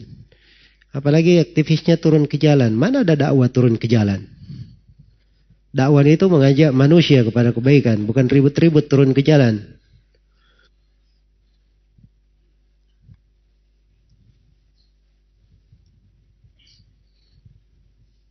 Ya terkait dengan dosa yang paling besar, apa yang disebut oleh Ibn Al-Qayyim, berucap atas nama Allah itu dosa yang besar, itu ucapan Ibn Al-Qayyim, Ibn Taimiyah, dikuatkan oleh beberapa ulama di masa ini, Syekh bin Bas, Syekh Salal Fauzan, dan yang lainnya. Itu salah satu pendapat. Ada pendapat yang mengatakan syirik akbar. Tapi pendapat Ibn Al-Qayyim, saya sebutkan tadi, dalilnya kuat di dalam hal ini.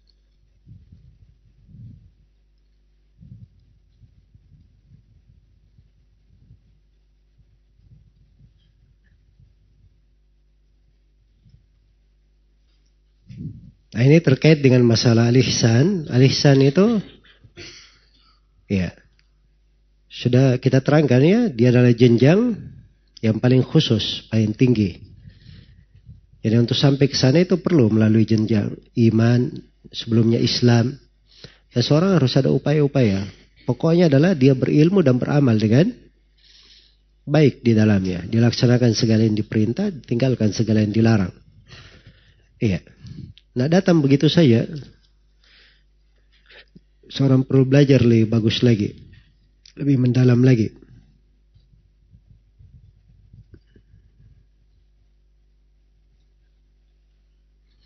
Bagaimana hukum wanita yang melakukan safar tanpa mahram?